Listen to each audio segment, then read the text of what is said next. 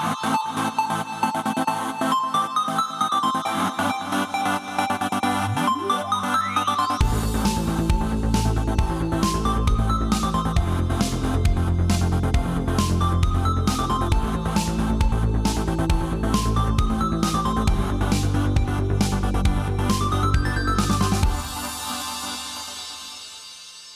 Hallå där och välkomna till Nördliv, en osensurerad, oklippt och fantastiskt nördig podcast om spel och allt möjligt. Det här är avsnitt nummer 341. Det är den 19 andra när vi spelar in det här och jag heter Fredrik och med mig har vi Danny och Matte. Hello. Så, Jajamän. hur är det? Vilken, vilken, vilken glasstyp, så här pinnglass, är er favorit? Nogger. Uh, Nogger. ifall jag bara ska ta en pingglass så brukar det bara typ bli Piggelin eller något sånt där. Simpel, Ja, enkel, liksom. Passar perfekt i varma, varmt väder så. Mhm. Själv då Fredrik? Pinnglass är gott. Jag tror jag tar en 88 faktiskt. Ja, jag gillar när, det, det- när det är riktig glass Mm. och sen är det nötter. Det, är det jag svag för. brukar stå mellan 88 och Nogger för mig, men jag brukar Mm. gå för Nogger först.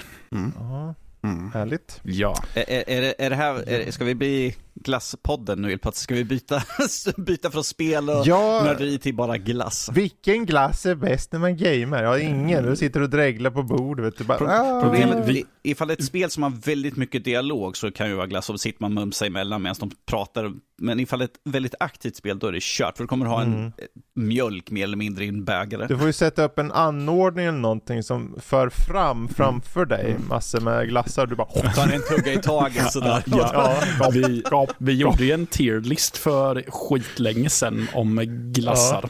Mm. Gjorde vi ju. Vilken vann? Uh, Kommer vi ihåg det eller? nej, jag kommer fan inte ihåg vilken det var. Skulle tvåan ju få vara Daim eller något sånt där. Jag har för mig 88 var i toppen. 88 låg högt upp. Jag tror att Nogger låg högt upp. Och Sandwich tror jag låg högt också. Ja, så kanske det Mm. var ja. Mm. Det är klart. Och tierlists, det är roliga grejer. Ja. Men vad som också är roligt, det är dagens agenda här. För vi, vi kommer ta upp såklart nyheter först. Det har ju hänt både det ena och andra och det är trailers som har släppts och allt vad det heter. Eh, och det kommer vi komma till. Men framförallt ska vi ju snacka lite vad vi själva har spelat och sett. Eh, och på den fronten är lite, ja det är ju retro på ett sätt. Eh, både Xbox 360 Kinect är ju sett som retro. Och sen har vi några speltitlar på VR som har körts också på Valve Index. För att inte tala om Horizon Forbidden West som har körts på. Eh, och såklart även Dying Light 2 som poppar upp. Eh, och sen så får vi lite mer intryck av Peacemaker, denna gång av matte, och även The Suicide Squad. Det är fullmatat ändå. Jag Ja, tycker jag om tycker det. det. Lite så här, Jag tittar Ja. på våran nyhetslista och det finns väldigt mycket. Vi kan ha många långa diskussioner så det blir intressant att se vad vi Mm. tar för någonting. Så att säga. Matigt. Precis. är matigt, Matigt. precis. Som, ett, eh, Ja. som en buffé med den eh, fetaste husmanskost man kan tänka sig. Sure. Ja. Ja. ja, och med det sagt, vi kan väl hoppa in på eh, veckans nyheter då och eh, ta en sorglig sådan först. Eh, som också är viktig känner jag, för Ivan Reitman som gick bort nu vid 75 års ålder låg ju till grund för många klassiska 80-talsrullar och film i alla tider då, om man så säger. Allt från eh, Ghostbusters till eh, National Lapoons Animal House och Stripes och eh, ja, Dagisnuten och eh, Twins och allt vad det heter. Och det är ju så här direkt efter vi faktiskt fick en uppföljare på Ghostbusters som var, jag tyckte den var ganska mysig faktiskt. Så det kändes som att vi fick någon form av avslutning där. Sen var inte han kanske involverad på det sättet, det var hans son som regisserade, men han var ju ändå delaktig i den filmen. Men man kan väl säga att han fick gå ut med flaggan i topp lite ändå då. Eh, Ja. Eller vimpeln om man så vill. Precis. Så det är tråkigt, men eh, han lämnar ju efter sig ett arv av filmer som vi kan titta om och om igen på. Mm. Precis. Så är det. Men Ivan Reitman Mm. går bort 75 års ålder. Sen så, eh, för att hoppa till något helt annat då. Eh, det har kommit lite trailers. Mm. Och eh, först har vi då Doctor Strange in the Multiverse of Madness som nu fick en officiell trailer. Och den här var ju, alltså jag vill ju se den här filmen. Mm. Jag tycker om eh, vad de visar i den här filmen sett till formspråket framförallt, om man ska vara på estetisk plan. Men fa- framförallt just det här med att det verkar invo- invo- involvera karaktärer som man blir lite nyfiken på. Okej, men vad, vad kommer den här filmen föra framåt mo- eh, mot i MCU och hur är det med den här tonen? Den mörkare ton. Ja, Och sen att det är Sam Raimi som ligger bakom den här gör mig bara ännu mer nyfiken på hur den kommer vara i slutändan. Ja, precis. Alltså jag tycker att det, framförallt i början av eh, den här trailern så är den här mörkare tonen väldigt påtaglig tycker jag. Mm. Eh, sen, sen ser det ju lite bekant ut från tidigare Mm. filmen, men det är väl ofrånkomligt så. Eh, och Precis. ja, Sam Raimi gör ju att jag också automatiskt blir nyfiken, men samtidigt sitter jag också och tänker att ah, fast hur, hur bra hans grejer varit på sistone? Det är sant. Ja, så jag vet inte riktigt. Jag är lite försiktigt nyfiken och försiktigt optimistisk Mm. ändå. För, men eh, den ser till... Den ser lite härligt mindfuckig ut på ett sätt. Så jag, det- känns som att det kanske kan vara en film där man sitter och eh, undrar lite vad är det som pågår här egentligen.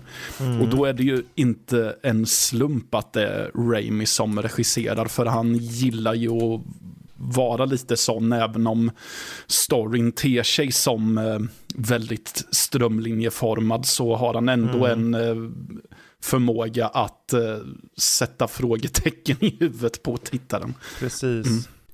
Ja, ja, jag eh, ser fram emot den här filmen väldigt mycket. Eh, Jag tycker om karaktären Doctor Strange. Jag tycker det kan bli kul att se. Nu har vi gått ifrån första filmen på det här sättet att vi kommer åtminstone, han är klar nu. Nu kan han få en berättelse liksom. Mm. Hoppa rakt in i det istället för att sätta upp.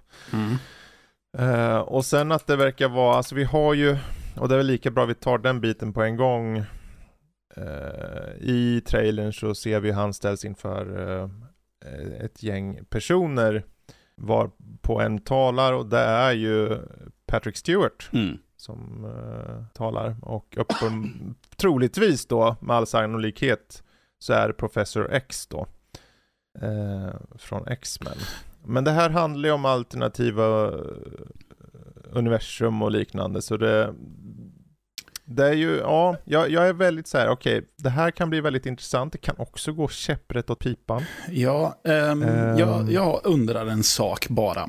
Mm. Eh, Kommer den här Mm. vara helt och hållet att den står på egna ben eller eh, har, ska den här ingå i någon slags ny fas i eh, det cinematiska universat? Yes. Ja, alltså alla är ju där. Ja, Alltså, okej. Den nya fasen började för nå, vad, vad blev det? Det var, ja det började med tv-serien egentligen. Det började med WandaVision Okej. tror jag. Mm. Vilket passar ganska bra in, för den Mm. här har ju mycket, det som sätts upp i WandaVision är ju, tas ju upp här direkt. Mm. För hon är ju eh, vad som ser ut att vara bad guyen i det här. Eller antagonisten kanske är bäst. Nej, kanske, ja. Ehm, och eh, sen om det finns, det skulle inte förvåna mig om det finns ytterligare någon bad guy i det hela. Så att hon Mm. till slut kan vändas och sen så har de en, går gemensamt mot en tredje. Oh, kan, kan vi ha ett Mephisto i bakgrunden och styr henne på något sätt? Så, för folk har ju väl haft Mephisto med i MCU väldigt länge sådär. Och har, ju- de hintade ju om det i att han skulle Ja. vara i WandaVision, att han skulle vara den här bad guy eller något sånt där. Men att vi fick ju aldrig det. Men att, Nej. mm, kanske nu.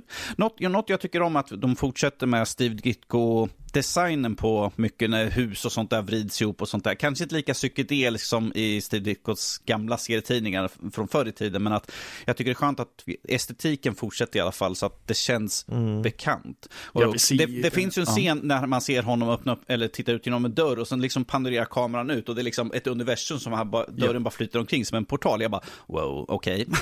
det här ska bli intressant att se vad, vad som händer egentligen. Ja, eller när, vid något tillfälle när han är i ett hus och utanför eh, fönstret ser man bara hur det är en massa moln som eh, rör sig som att eh, de är i någon slags void av något slag. Mm. Och sen så tycker jag att det är kul att han vid ett tillfälle så går hans, eh, så ser det ut som att hans ansikte liksom eh, går sönder i olika rutor som Ja, i inledningen precis. på filmen Cube. Ja, Ungefär. precis. Det är ju det att jag tror den här atmosfären som, jag tror det är inte så, han kommer vara styrd såklart, Sam Raimi, angående just att det här är en film i en storhet, alltså Ja. i- det är ju någonting större, den, den kan inte bara vara helt egen, utan, och han vet det, så han kommer vara styrd, men där, jag tror, varför de kanske tar honom, är för att få hans sätt att få injicera atmosfär, Mm. injicera liksom ett, ett tryck, en känsla. Och det Mm. där, jag känner lite av en känsla i det här. Som Ja. att om det känns lite sämre. Men jag har inte, det han hade mot slutet av, egentligen det är konstigt att man säger, ja men när han gjorde mot slutet av um, Evil Dead, och det är ju fan hundra år Ja. sedan känns det som. Ja. Det är ju det, jättelänge sedan. ja. Men han gick ju lite så här, från början var Evil Dead väldigt skräckig, Mm. och sen vart den ju bara fars mot slutet. Mm, Jag älskar det. Men, men här kan han inte gå åt fars. Nej. Jag tror det blir för, det skär för mycket. Så kan han, kan han hålla tillbaka där? Det är väl där Marvel kommer in och säger De, okej, de, det- har någon, deras de jobb har att någon hålla som kommer tillbaka dit honom. liksom, när han börjar liksom styra för mycket åt vänster kommer och puttar honom lite grann åt rätt. Nej, nej, nej, Ja. du måste lite mer åt det här hållet. Så. Det är ju det här som producent, bra producenter gör ju det här. De Mm. behöver ringa in liksom och få, få ner dem att, okej, håll det till den visionen som vi har på det stora hela liksom. Så att Mm. vi inte har Star Wars eh, sequel-trilogin Ja. där liksom alla vill göra en egen grej Mm. och inget håller ihop. Mm. Ehm, Ja men så är det Så ju. det- men eh, ja. styrd eller inte så tycker jag att det Mm. låter som ett klokt beslut att välja honom att eh, ta, Mm. köra på Doctor Strange. Eh, jag var nästan lite förvånad över att man inte tänkte det redan på första filmen. Mm. De hade ju en, den här Scott Derrickson, Mm. vad han heter, som gjorde den. Precis. Alltså, Raimi, han, är ju, han har ju skräckelementen i sin ådra sen tidigare filmer. Så mm. och som de beskrev den här filmen, att den skulle vara den första riktiga skräckisen mer eller mindre i MCU, Mm. eller skräck. Ish. Ja, Mör- Med en betydligt mörkare ton än vad alla andra filmer har haft. Så det är väl han, han ganska bra exempel att ha. För att han kan ju, för Ja. som sagt, Evil Dead är ju ett praktexempel att du har väldigt, du har väldigt mörka toner, mör, mörka teman, Mm. men att du gör fortfarande på ett komiskt sätt. Vilket jag Mm. tror att det är en bra blandning, vilket troligtvis kommer att ha här i också. Ja, men det är just det där, för jag tror det passar inte om du går för, för den känns väldigt seriös. Så om man kommer in och gör one-liners här så kommer, alltså det kommer ju vara någon för en Marvel-film. Mm. Men jag tänker de behöver dämpa det. För om de vill göra en helt egen grej, för jag tror något som är styrkan nu i den här senaste vågen i fas 4 eller vad tusan den kallas. WandaVision och tv-serierna och då var det ju eh, Shang-Chi och lite de här filmerna, Eternals. Man kan tycka vad man vill om de som har kommit, men en sak är säker, de testar väldigt mycket att gå åt eh, alltså vertikalt åt sidan. Alltså de försöker hitta nya sätt att, få sina Marvel-filmer att Mm. verka. Mm. Och det, ibland går det bra och ibland går det dåligt. Förut så hade vi bara hela tiden, antingen var det bra eller jättebra. Men nu så kan du, Eternals, för mig personligen var en ganska dålig film. Men jag applåderar att de försökte. Mm. Mm. Jag, ty jag tycker det också skulle bli intressant här för att vi har ju fått väldigt mycket nya karaktärer som har introducerats. Eh, Eternals är ett praktexempel, vad är det, tio stycken Mm. var. Och här får vi ju American Chavez. En sprillans Mm. ny superhjälte. Hon- spelas för övrigt av en 15-årig flicka så att hon får verkligen Mm. sätta, sätta hårt mot hårt här nu och ta sig an en stor roll för hennes ålder. Precis. Men det ska bli intressant eftersom hon är en ganska, hon är en relativt ny karaktär om vi tänker på att hon har inte funnits så Mm. länge. Så jag tycker det är intressant att vi plockar in henne här också, ska se vad hon kan Precis. bli för någonting. Hon har, om vi säger så här, om det går bra, hon är ung, hon kommer ha många år framför sig i så fall, hon kan spela rollen. Ja, precis. Och någonstans, de sätter ju upp för en ny våg av karaktärer Precis. och våg av inte, alltså det behöver ju inte ens bli Avengers-filmer och mer. Jag menar till och med Feige gick ut och sa sist här, var det en månad sedan eller något, sa eh, förra Avengers, Endgame var en final Avengers movie. Mm. Om han ändrar sig och kanske håller igen, du vet ju att de kanske inte har hållit sig till vad de har sagt. Men om han säger det, Ja. så kanske det är så. Det finns ju andra hjälteteams och allt Ja, vad det precis. heter. Och American Chavez, hon ingick ju i, de hette visserligen Young, eh, Young Avengers eller, eh, vad heter de? Uh, A-Force, tror jag de hette. Mhm. ett, eh, en av de gängen hon tillhörde. Så visst, ifall han säger att sista Avenge så kanske vi tar och skippar Young Avenge och tar A-Force istället. Eh, Så att vi kan ju bygga upp mycket. Det är som sagt så mycket karaktär, så mycket Ja. som man kan göra där ju. Oavsett, filmen ser väldigt intressant ut och det ska bli kul att se när den kommer. Världspremiär den 6 maj. Mm. Det är ju ganska snart ändå. Ja, Mm. faktiskt. Vad som också har premiär senare i år det är eh, Lord of the Rings, The Rings of Power. Nu fick det sin första Teaser. trailer. Och eh, den här lilla teaser-trailern då, den visar lite på eh, vad som verkar vara Numenor. Det egentligen visar de alla karaktärer förutom Sauron själv. Mm. Som med all säkerhet kommer vara med. Och jag vet inte, vad är era intryck av den här teasern nu när ni har sett den? Eh, jag kan ju säga att de ser ut att spendera pengarna på design, eh, sätta eh, byggnader och allt möjligt sånt där. Det ser ju väldigt, som sagt, det ser väldigt påkostat ut. Men jag hoppas att de har lagt mycket tid också på historien. Du kan ha en Mm. hur snygg film som helst, men ifall historien suger fett så spelar det ingen roll hur fint allt annat är. Nej, alltså det ser ju intressant ut. Eh, jag är bara nyfiken på vad historien kommer vara. Eh, det är ju Mm. det som är viktigast för mig, speciellt när det gäller Sagan om ringen. Jag älskar de filmerna och äh, bok- böckerna också, så det ska bli intressant att se vad de gör här. Som sagt, vi ser ju Galadriel, eh, vi ser Aaron, eh, eh, och vi ser ju lite nya karaktärer också som jag inte känner till direkt. Vi har en eh, svart alv, eh, vi har en, eh, en dvärgkvinna för första gången, så det ska bli intressant att se vad de gör med det hela. Mm. Mm. Ja, verkligen. Eh, nej, jag tycker, jag tycker också ser, det här ser lovande ut. Eh, och jag tror det är smart av dem att inte släppa för mycket. Nu är det ju tidigt, det ska komma i september. Den 2 september släpps det på Amazon Prime. Mm.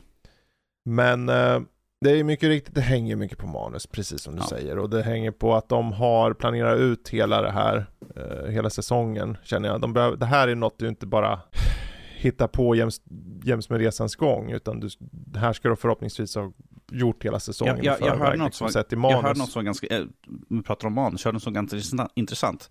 Hela den här historien, de, eh, Amazon äger bara rättigheterna till Sagan om ringen och Hobbit. Så all den här historien är baserat utifrån de extra kapitlen, alltså de här bonuskapitlerna med bakgrundshistorier och sånt. De har, äger inte Mm. rättigheter till något annat. Det är därför vi har de här som de kallas proto-hobbits. Det är inte riktiga hobbits, för hobbit kommer inte förrän senare. Mm. Så att, visst, det, det, det, som sagt, det är en adaption. Det är inte en direkt... Det är, det är inte ens en adaption nästan, för det här är ju mycket är ju helt påhittat nytt. Mm. Så. Och, och för, alltså för min del, så länge det är bra så skiter jag i det. Liksom. Så, länge, Ja. så länge det Eh, känns i tolkens ådra, liksom, att vi följer liksom, Ja. de saker som finns utsatta, att de här sakerna måste hända, de här karaktärerna Precis. och så här.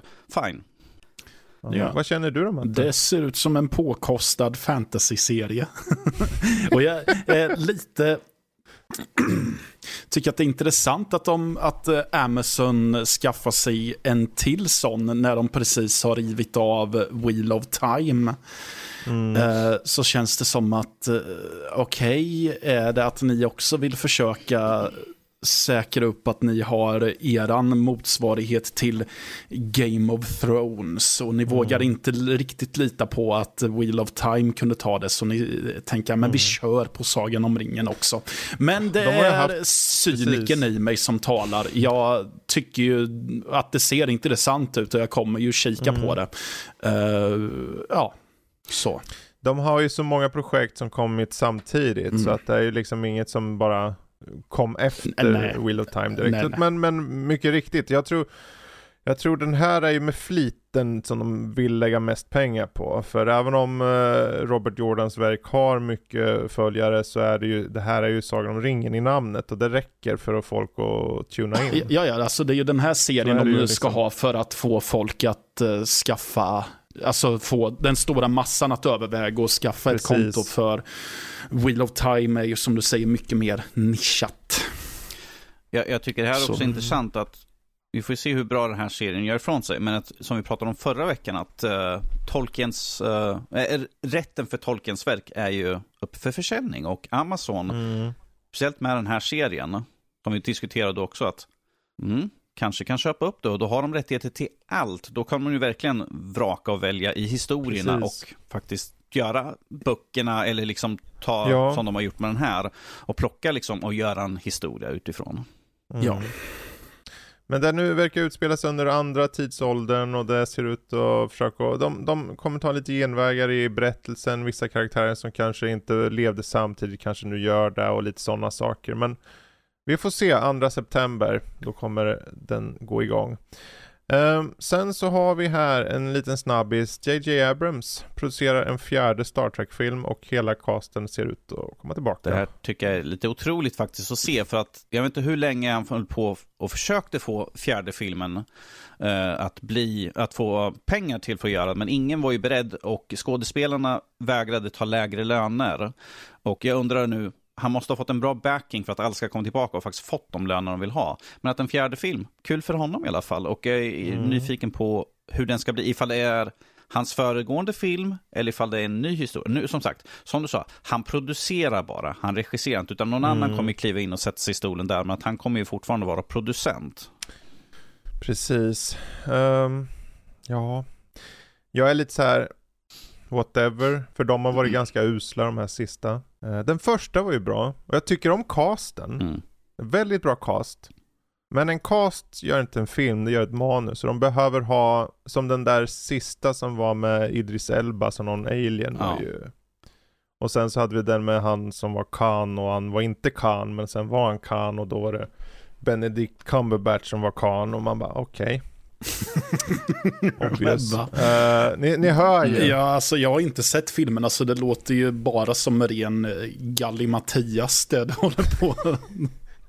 Nå- Något jag, jag, ty- Men, något jag tycker ja. här är liksom att vi, eh, jag sitter och kollar upp det, att det är Matt Shakeman som ska regissera. Och han, gjorde, han var regissör på WandaVision och en av manusförfattarna skrev Mhm. också på WandaVision, uh, Cameron Squires. Så att vi har två stycken från en serie som var riktigt bra. Okej, och då tv-serieregissör alltså? Yes. Eh, Han är en av två, den andra skrev, skriver tydligen Avatar 2. Ja. Mhm. Ja, ja, vi, ja det, jag, jag ser det ju inte som en garanti, garanti direkt att ta in en tv-regissör. Men det är ju i alla fall starkt av dem att våga göra det. Och han har mycket riktigt som du säger, WandaVision, den var ju ganska bra faktiskt. Miniserien, väldigt bra på sina ställen. Eh, för i övrigt har han gjort lite, han har gjort väldigt mycket, men allt är för tv. Så det här blir ju bära eller brista för Mm. honom. Det är mandomsprovet.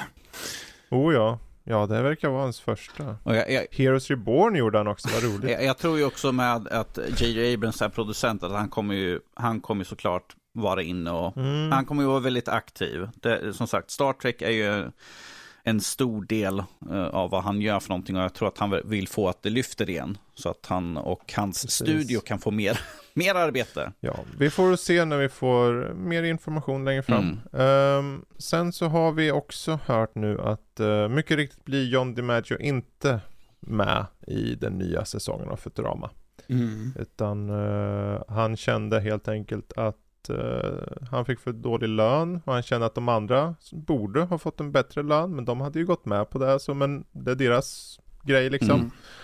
Mm. Eh, och det är ju tråkigt Ja, men eh, ja, vad kan man säga? De, Nej, de, alltså, de, de, de hittar nog snabbt en som bara låter precis som honom. antagligen. Mm. Eh, och alltså jag tänker inte sitta och gnälla på att han är girig eller något sånt där, för det tycker Nej. jag inte riktigt. Jag kan nog nästan förstå vart han kommer ifrån också. Så. Precis. Men eh, så är det med det. Mm. Eh, sen då har vi, för att hoppa till lite spelvärld nu då. Det har ju kommit lite gameplay från ett spel som heter Dune Spice Wars. Mm. Och eh, det är väl inte så ovanligt med, alltså det är ju lite ovanligt med RTS nu när jag egentligen tänker efter. RTS är inte riktigt, Det är inte, Det det, stora är precis, det är heta inte längre. heta just nu kanske. Open Nej, in- World är men, mer eh, het Alltså det har ju. Ja, förekommit, precis. men just det här med att det är, sto- att det är påkostade RTSer, om man säger så, det har jag väl Mm. inte sett så mycket av de senaste Nej, åren. precis. Eh, och i det här fallet så är det lite intressant, det är Dune-världen då och det Funcom då som ligger bakom till stor del och utvecklingen heter Shiro Games tror jag. Eh, och vad de här gör då att det här spelet har 4X-inslag, det vill säga typ som Civ. Mm. Eh, men att det är i realtid också. Eh, så man kan liksom eh, sälja och lagra spice och man kan eh, försöka betala kejsarens skatt och sånt. Man kan i realtid hålla på att ta sig runt och försöka undvika alla såklart maskar som springer runt vill bitas. Kommer upp i marken Måste man, måste man lära karaktären att gå i ett oregelbundet mönster? ja, kanske det kanske. ja, ja, nej jag, jag såg den här trailern, jag tycker den ser väldigt intressant. Jag har, den här visar de ju upp nu, var det i, det var på något event som de visade upp Dune. Jag tror det var i, på E3 första gången. Mhm. Eh, och tyckte det såg intressant ut. Men då var det ju bara att de presenterade att det här kommer komma. Nu är det ju riktig gameplay här. Mm. Eh, och just den där mixen och att det ser väldigt, jag tycker det ser väldigt bra ut faktiskt. Ja. Rent utseendemässigt. Så eh, jag, jag är lite småpepp och så tech trees och allt vad det heter och, och så. Ja. Du kanske, Nej, får, alltså- du, du kanske får ta del av den här early access som ska komma någon gång under året, Fredriksson. Mm, precis. Det är de här som gjorde, de, här, de gjorde ju en liten mini, de gjorde de här hommagespelen som heter Evoland och Evoland 2. Mm. När det begav sig. Så att eh, de har lite så här intressant bakgrund. Sen har de gjort realtidsstrategi när man är i, i, eh, nordisk mytologi också. Men eh, Spice Wars, alltså Dune Spice Wars, eh, kommer komma i Early Access nu under 2022 på PC. Och det kan komma att bli aktuellt med fler plattformar efter det. Men den som lever får se. Ja, men det, det ser intressant ut, tycker jag. Och Mm. mm, jag har väl på sistone känt att ja, men, jag kanske har dissat RTS lite väl mycket. Det kanske finns något, Mm. en äh, ådra i mig som tycker att det är lite kul ändå. Precis. Ja, vi får se. Vad som också är lite kul, bara för mig då kanske, vi får se vad ni tycker, men eh, systemkraven för Elden Ring Ja, släpptes. det. Mm. Och då tänker man, ja men so what? Alla har väl systemkrav? Ja, men på det rekommenderade här så har vi alltså system som är egentligen 4 till 5 år gamla. Det är 1070 på grafikkort. Det, det är eh, i7 8700K eller Ryzen 5. Det är förvisso lite nyare på Ryzen-sidan men på Intel-sidan lite äldre. Eh, det enda som står ut är RAM-mängden på 16 gig. Så I alla fall tycker jag det. Eh, men just det här med grafikkortsbiten är relativt gammal. Idag är det såklart, nu är det ju svårt som as att hitta grafikkort för, för dödliga där ute, men ändå. De flesta kanske har ett eh, grafikkort som klarar det här utan problem faktiskt.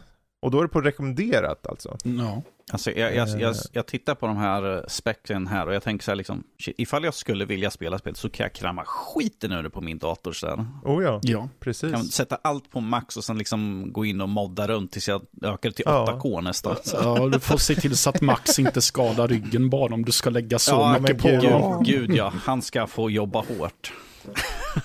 Men det är just det här, är det, är det de som har fokuserat mer på estetik än, eh, för de har ju Ja. varit lite så här, vad ska man säga snällt, uh, janky sett till optimering ibland. Ja, ja. Nu har det ju hängt lite på konsol att det har varit så här, vi pratade vad ju kan man göra? Vi pratade ju Men- lite om det förut, att de har väl varit mer för stil än eh, Mm. tekniskt avancemang. Mm. Så. Men eh, sen har jag också hört att de inte är världens mest stabila skepp heller. Nej. Nej. Men det är inte lång tid kvar. Nej. På fredag kommer det. Mm. Eh, och vi kommer få in det för att recensera själva så det är bara att hålla utkik längre fram. Mm. Eh, så får vi se om det är på en konsol eller PC som vi får in. Men det Det blir en spännande överraskning. Eh, ja, vad som också kan vara en spännande överraskning det är om det här ryktet stämmer. Ryktet om att Avalanche faktiskt utvecklar ett nytt Mad Max 2. Ooh. Eh, det var ju då en eh, person som på Twitter då visade egentligen upp i korthet då att eh, hon då är involverad i projektet Mad Max 2 och har blivit inskannad, 3D-skannad och liknande eh, inför projektet.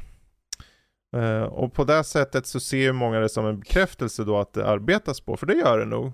Och huruvida det kommer, det är ju som med alla spel, det vet vi ju inte. Eh, och jag tror att när och om det blir officiellt, då vet man att det är på väg mer. Men eh, Ja, det vore nice med ett nytt Mad Max. Jag menar, 2015 är ett par år sedan. Gud är det så länge sedan. det, är, det är Ja. sju år sedan. Mm. Jösses. Ja. Eh, Alltså, Men, om vi säger eh, så här, ifall det kommer mm. en tvåa kommer jag vara en väldigt glad norsk. Jag spelade skiten ur första spelet. Jag åkte runt, jag körde överallt, jag sköt allt, jag letade, jag utforskade. Han sköt Jag allt, sköt- han var en glad norsk. Kändes som Lucky Luke, sköt allt liksom. Snabbare än Sköt sin Jag skugga. sköt min skugga bara för att jag skulle kunna få åka fort. För den, den, den drog efter hela tiden så jag bara, jag kan åka Ja, fortare ja, ja. liksom. Så här. Kom igen nu Skuggan, häng med på det här. Nej men alltså, jag tyckte att eh, första Mad Max-spelet var in, intressant break från vanliga spel. Visst, det är en postapokalyptisk, men jag tycker att med dess eh, historia som jag har haft från filmerna, liksom, sen kunna få det i en spelvärld här nu, kunna få utforska, Mm. ta en del av liksom kakan, så att säga, det som är Mad Max-universum, jag tyckte det var intressant. Och Precis. som sagt, redan då så var vi ju väldigt sugna på att åh, hoppas det kommer en tvåa eller något sånt där. Och nu sju år senare så kanske vi har fått en liten, liten glimt utav en framtida spel. Ja. ja. Jag spelade aldrig igenom det här. jag, jag, jag spelade en bit, men jag vet inte, jag Du är, hade... så, du är så kräsen på bilmekaniken, du bara, ah, det är inte riktigt Äh, rätt ja, styrning. Ja, alltså... mm, Ja, det jag var så.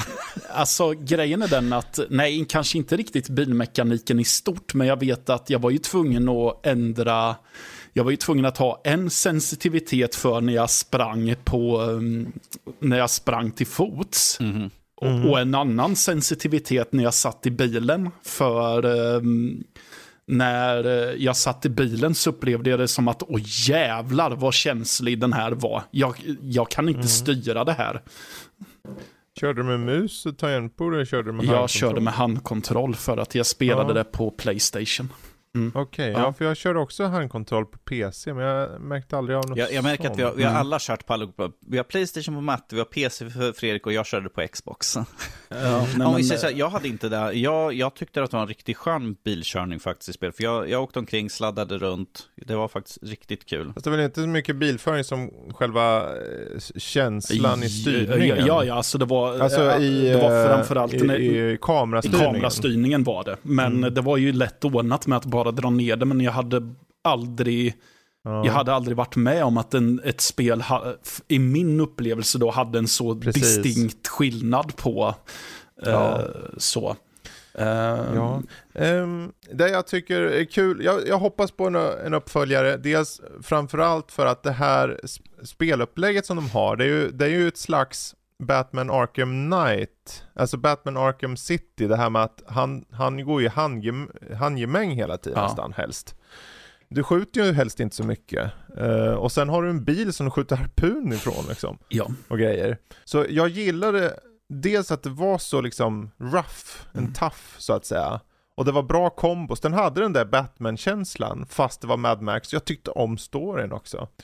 Eh, lite sorglig men gripande. Mm. Ehm, sen att Även det, om- precis som Open World-spel är liksom tar 400 år Ja. innan man ser nästa cutscene. Ja. Ja. det, det är ju tillhör ju genren tyvärr. Även om eh, skurken hette Scrotus. Scrotus, kom igen. Lägg ifrån dig facklan Scrotus. Du vet att du, du, är för- du, du, för, du är för töntig Scrotus. Jag menar du heter ju Scrotus. Ingen tar dig allvarligt. Mm. Men eh, ja, Mad Max, vi hoppar vidare. Sen så har vi fått lite uppdateringar angående Skull and Håller Bones. tummarna. Äntligen. Ja, håller tummarna. Yes. Eh, först och främst, och det här kommer vi komma in på kanske lite mer sen, för eh, Ubisoft har en tredje kvartalsrapport. Enligt deras tredje kvartalsrapport så kom det fram då att inom spannet av eh, det fiskala året 2023, vilket börjar, om inte jag är helt ute och cyklar, nu i april, avslutas eh, 2023 i mars. Så kommer Skull and Bones släppas. Enligt dem då. Som, som Eh, jag, sen som jag har det kan hända saker och det kan skjutas på och allt sånt. Det kan ske, så det är ju inte en garanti, men det är i alla fall vad de säger, det är deras mål. Eh, dock är det ju också att de be- bekräftar att det är först och främst ett multiplayer-spel. Mm. Eh, I alla fall är det huvud... Eh, vad ska man säga? Multiplayer first. Det är Som huvudfokuset alltså. Ja, Mm. huvudfokuset, precis. Mm. Eh, och det är ju något de har, de var inne på det lite grann redan då, men nu är det ju bekräftat då.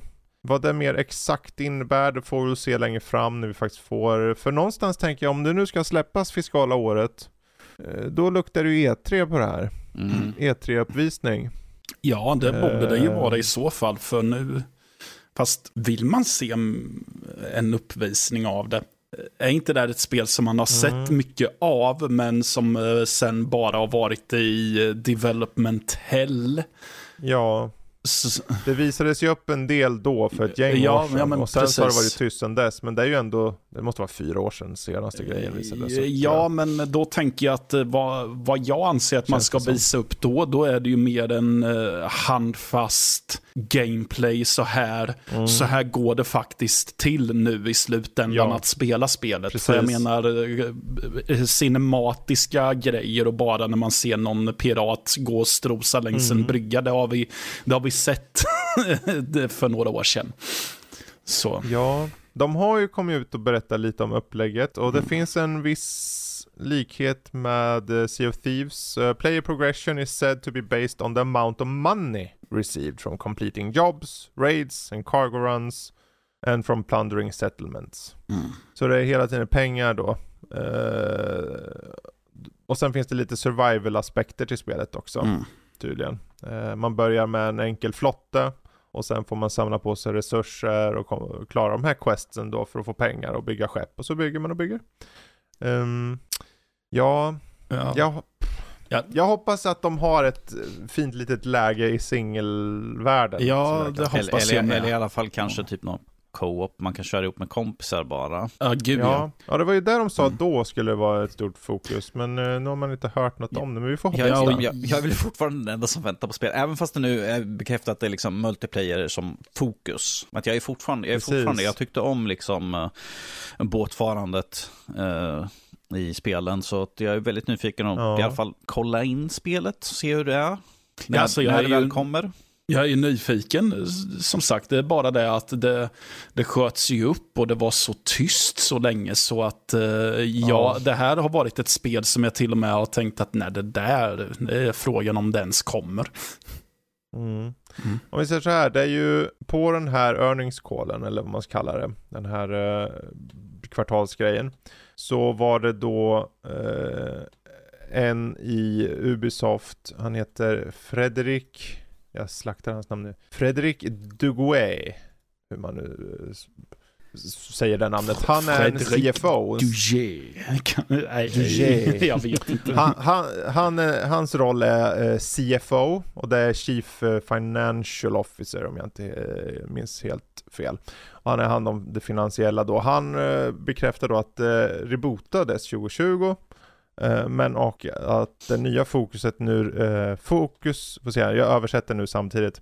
Det nya IP fokuserar på multiplayer först, så väldigt kon- eh, consistent med vår strategi att föra fram multiplayer competition och co-op first in a big open world with a great attractive fantasy. Ja, jag har i alla fall att det nämns co-op där så. Ja, nej men det, den har de ju bibehållit för det var ju där de sa redan då vi lanserade, eller förra gången vid 2018 där. Och det är ju bra. Eh, så ja, Indiska oceanen, snart kommer vi dit. Mm. Ja. Puttra runt. Jag skulle gissa mig till att Beware. att det under fiskaliska året, jag tror inte det släpps förrän 2023. För att som sagt, de startar om 20, Mm. 2020.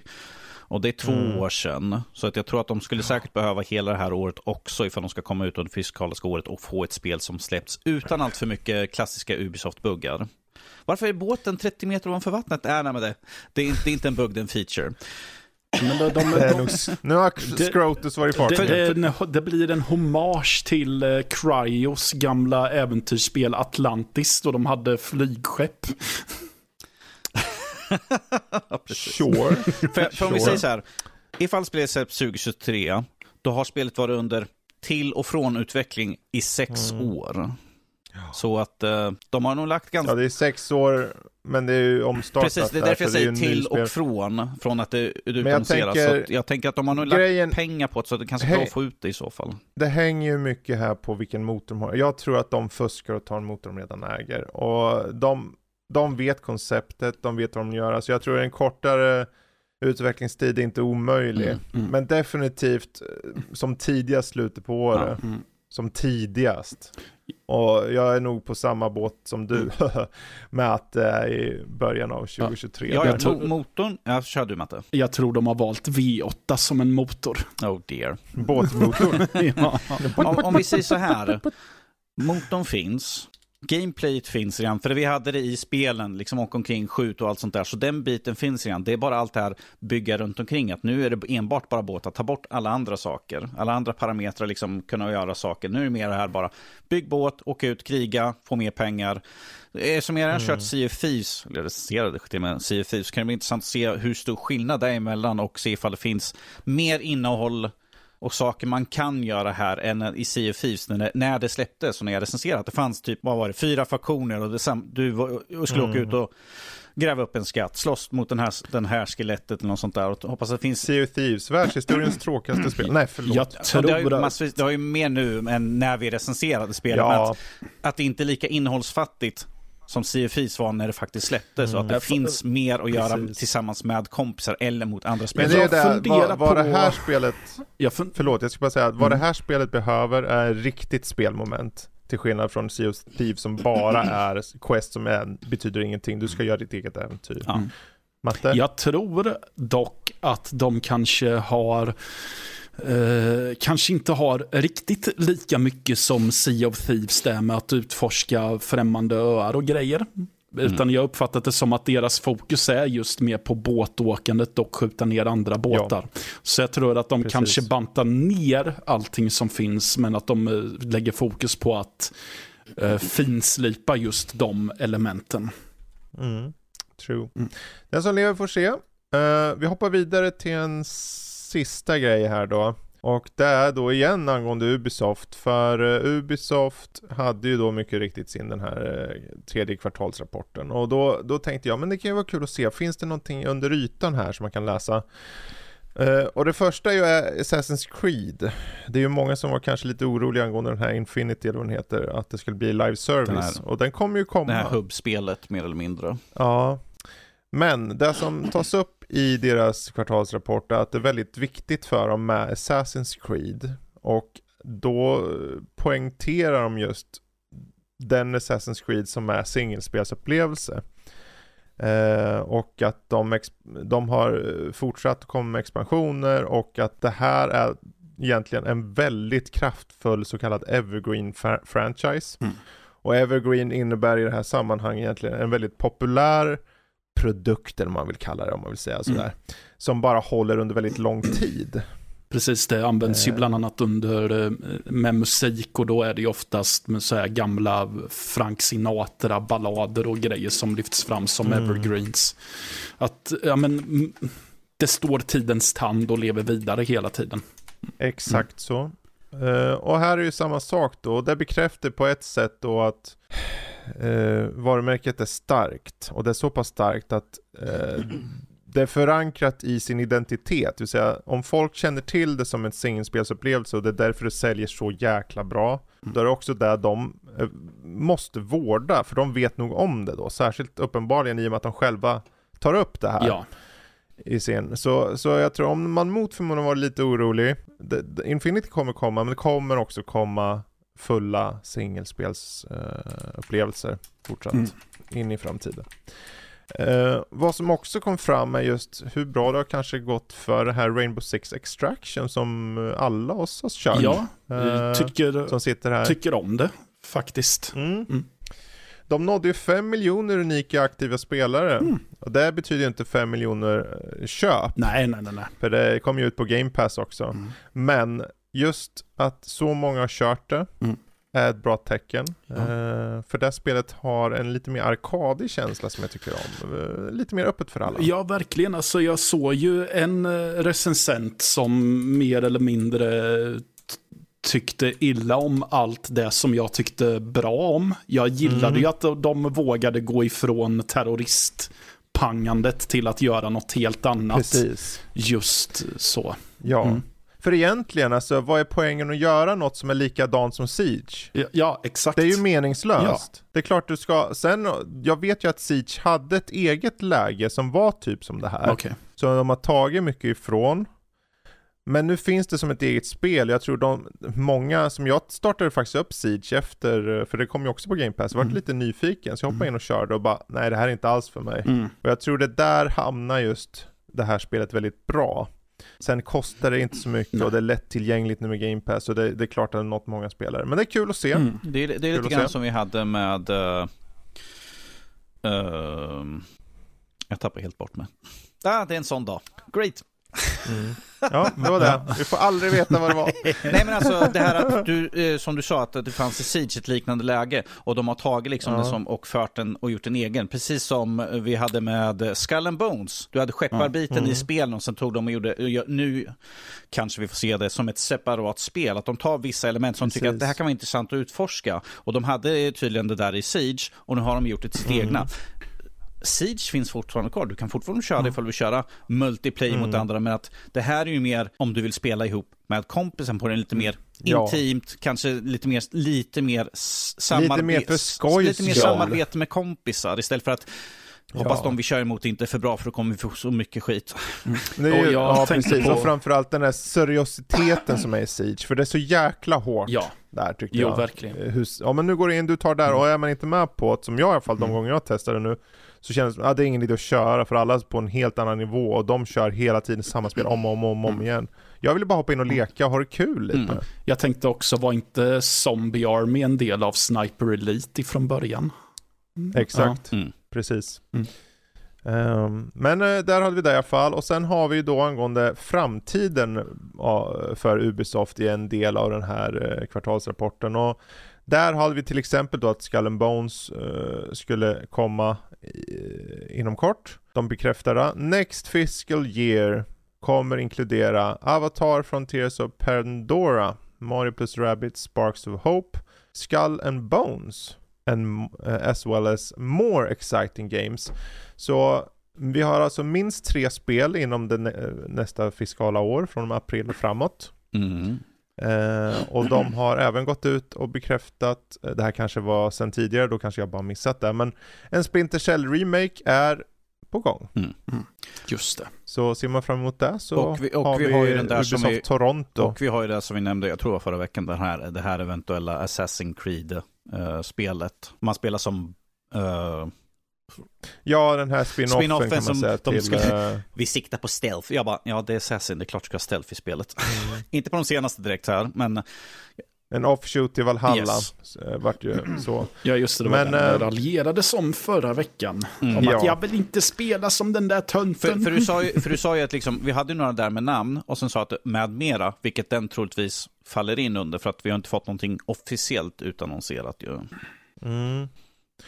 Ehm, vad gäller just eh, Ubisoft Toronto då, som gör då Splinter Cell, det är de som gjorde Far Cry 6 Oh. och Watch Dogs Legion. Oh. Eh, sen hur, jag, jag kollar på deras här, hemsida, det står Our Games, huruvida de har kanske varit med och hjälpt på dem, det framkommer inte, men de har i alla fall varit där och peta. Starlink, Battle for Atlas, Far Cry 5, Far Cry Primal Mm. och så vidare. Allas Ja, favoritspel. Väldigt, väldigt Ubisoft. Ehm, och det är ju bra. Mm. Så, och sen, det finns ju mer grejer, de går in mycket på just det här med Rainbow Six överlag, för Rainbow Six Siege går väldigt bra för dem. Eh, de passerade 80 miljoner spelare, Åh, herregud. eh, Mm. och det var bara senaste 12 månader de fick 10 miljoner spelare till. Oj. Jösses. Så Ja. det, man, man kan ju säga att Siege är bara för töntar, säger Fredrik- någon, Fredrik- någonstans. Jag säger Fre- inte, Fredrik. men någon säger det någonstans. Fredrik, Men det är många som spelar Ja. det. Fre- Liksom. Fre- Det är Fredrik, bra grejer. den ökningen de fick, det är typ hela Sveriges befolkning. Alla liksom i Sverige plötsligt börjar spela. Alltså. Ja, precis. Eh, så det, det är mycket information och eh, de har även information om att de fokuserar även på nya IP Mm. till exempel. Eh, att de fokuserar på diverse portfolio som de kallar det. Så, och då nämner de till exempel Beyond Good and Evil 2. Eh, att fortsätta på Division-serien och mängder av grejer. Så den som väntar får se. Om det kommer lite mer. Vi får se vad som kommer upp i kvartalsrapport 4. Då får Mattias täcka den. Ja, idag ska vi gå igenom. Nej. Ja, ja visst, det kan jag göra. Jag, jag ba, det bara slog mig, jag sa det lite i förbifarten, att det där, just det, där jävla spelet, alltså Beyond Good and Evil 2, på tal om spel som det har varit väldigt tyst om på sistone. Mm, ja. Eh, det är väl allt jag orkar säga om det just nu. Ja. Vi, vi, vi kommer prata om det när vi faktiskt får nå- att de visar upp att det är liv i spelet fortfarande. Jag menar, vi fick Ja. Skull and Bones som de säger ska komma inom ett år. Mm. Och jag menar, nu, nu har det egentligen börjat hända saker, för The Settler som jag var efter ett tag, helt plötsligt så kom det liksom, ja, här kommer en eh, beta, och så kommer det släppas i april. Nu kommer de här spelen. Jag tror de kommer och vi kommer se Skull and Bones eh, närmare än vi tror. Ja, nu är ju det inte ett Ubisoft-spel, men vågar man dessutom hoppas på eh, Vampire the Masquerade 2? Oj. Eh, man, man ska alltid hoppas. Ja. ja, Man ska det, alltid det hoppas. är ju en helt annan frå fråga där, Matte. Ja, så, jag tyvärr, vet. Men vi tar avslutar och går vidare här. Så där var nyheterna för räcka för idag, så hoppar vi vidare till vad vi själva har spelat och sett och liknande. Eh, och eh, jag tänkte vi börjar med dig och mig Heddan angående just Horizon Forbidden West. Jag tänker vi tar den först. Okej. För jag tror det är nog många som är lite nyfikna. Den släpptes nu, var det i fredags? I Eller? fredags släpptes den, ja. Ja, eh, vi fick till oss den något tidigare, men det... eh, Ja, hur... Vad är dina första intryck nu då? Eh, mina första intryck, om jag bara om jag det som mina ögon ser det första är att det är Mm. extremt snyggt gjort. Eh, Fredrik och Mm. vi pratade lite grann här eh, innan vi började spela in och hade en liten kort diskussion, men bara väldigt kort sådär. Och, eh, vi båda slog fast att den här grafiken är egentligen det som vi ska förvänta oss att se på den här nya konsolgenerationen Mm. egentligen. För att eh, eftersom jag spelade klart första spelet, eh, Zero Dawn, här för bara några veckor sedan, så har jag ganska frä- eh, fräscht i minnet ansiktsanimationerna, hur karaktärerna rörde sig och sånt där. Och eh, Mm. bara steget vi har gått nu, till exempel när de pratar med varandra, det är mer rörelse i ansiktet, det ser mer naturligt ut. Eh, Mm. Jag tycker att eh, karaktärerna förmedlar känslor mycket bättre. Eh, det är, vi, jag skulle ju säga att eh, vi går lite assassin på klättrandet eh, som är i spelet. För att nu, det är betydligt större eh, platser att klättra på. Eh, Mm. Man kan se genom hennes, eh, vad kallas den nu igen? Hen- Hennes, Ja, en liten jag, mojäng inte, som... jag, är som sagt, jag har suttit och spelat nu väldigt mycket så jag är lite trött i hjärnan. Sådär.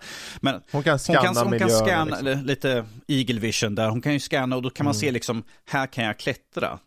För- Mm. Betydligt mycket mer, det är mer följsamt på klättra istället för att få som det var i Mm. första spelet. Ehm, du har betydligt mer saker du kan uppgradera. Och gud vad mycket det finns att uppgradera. Det är väldigt mycket.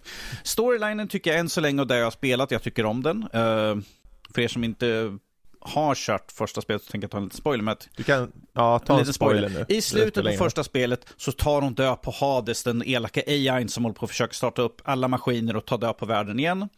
Men det finns en stinger eh, i slutet där han är inte död, utan han blir tillfångatagen. Och där mer eller mindre sätter vi upp den lilla stingen för tvåan nu, vilket vi får med Silas, eh, som är Ja. Jag, vet, jag skulle inte säga att han är ond eller god. Han är någonting mittemellan. Han är ute efter att lära sig om mänsklighetens historia. Han är beredd på att göra det mesta. Typ förstöra hela världen mer eller mindre. Och eh, vet att han kommer ha ett finger med i spelet. Det är i alla fall så mycket jag tänkte säga. Och eh, Aloys story som vi får i början, alltså i första introduktionen, är att hon måste hitta en kopia på Gaia för att kunna starta upp och faktiskt rädda världen igen. Så vi får en rädda världen Precis. Och Gaia är då alltså en AI. en, A- den huvud-AI som skulle eh, starta upp världen, föda människor, Mm. ge oss natur och växter och allt sånt där. Och hon Precis. tog död på sig själv för att försöka stoppa Hades i första spelet. Så därför är man på jakt efter att hitta en kopia på den. Vilket, Exakt. För att hjälp, med hjälp av så här terraform, Precis. som världen ser ut som. och jag tror jag, jag vet, jag har redan typ gissat ut vart det kommer vara för att det hintas om vissa saker i första spelet för man läser och hittar all information Mm. som finns. Jag har en vild gissning om vart jag kan komma, eventuellt hitta saker och ting i spelet redan nu. vad, är dina, vad är Mm. Ja. dina intryck då Fredrik? Du har inte kört lika länge som jag, Oj. men Nej, inte lika länge, men Alltså det här är ju ett av årets bästa spel hittills bara, och jag har bara kört fyra timmar. Mm. Jag tror, mycket för mig har att göra med att när de lyckas få en helhet där varje del verkligen får mig att vilja lyssna, att vilja veta mer. För det är svårt i de här, i de här open world-spelen. Jag tycker det är svårt i många fall där det handlar om liksom, att du får så mycket information, men vad är viktigt?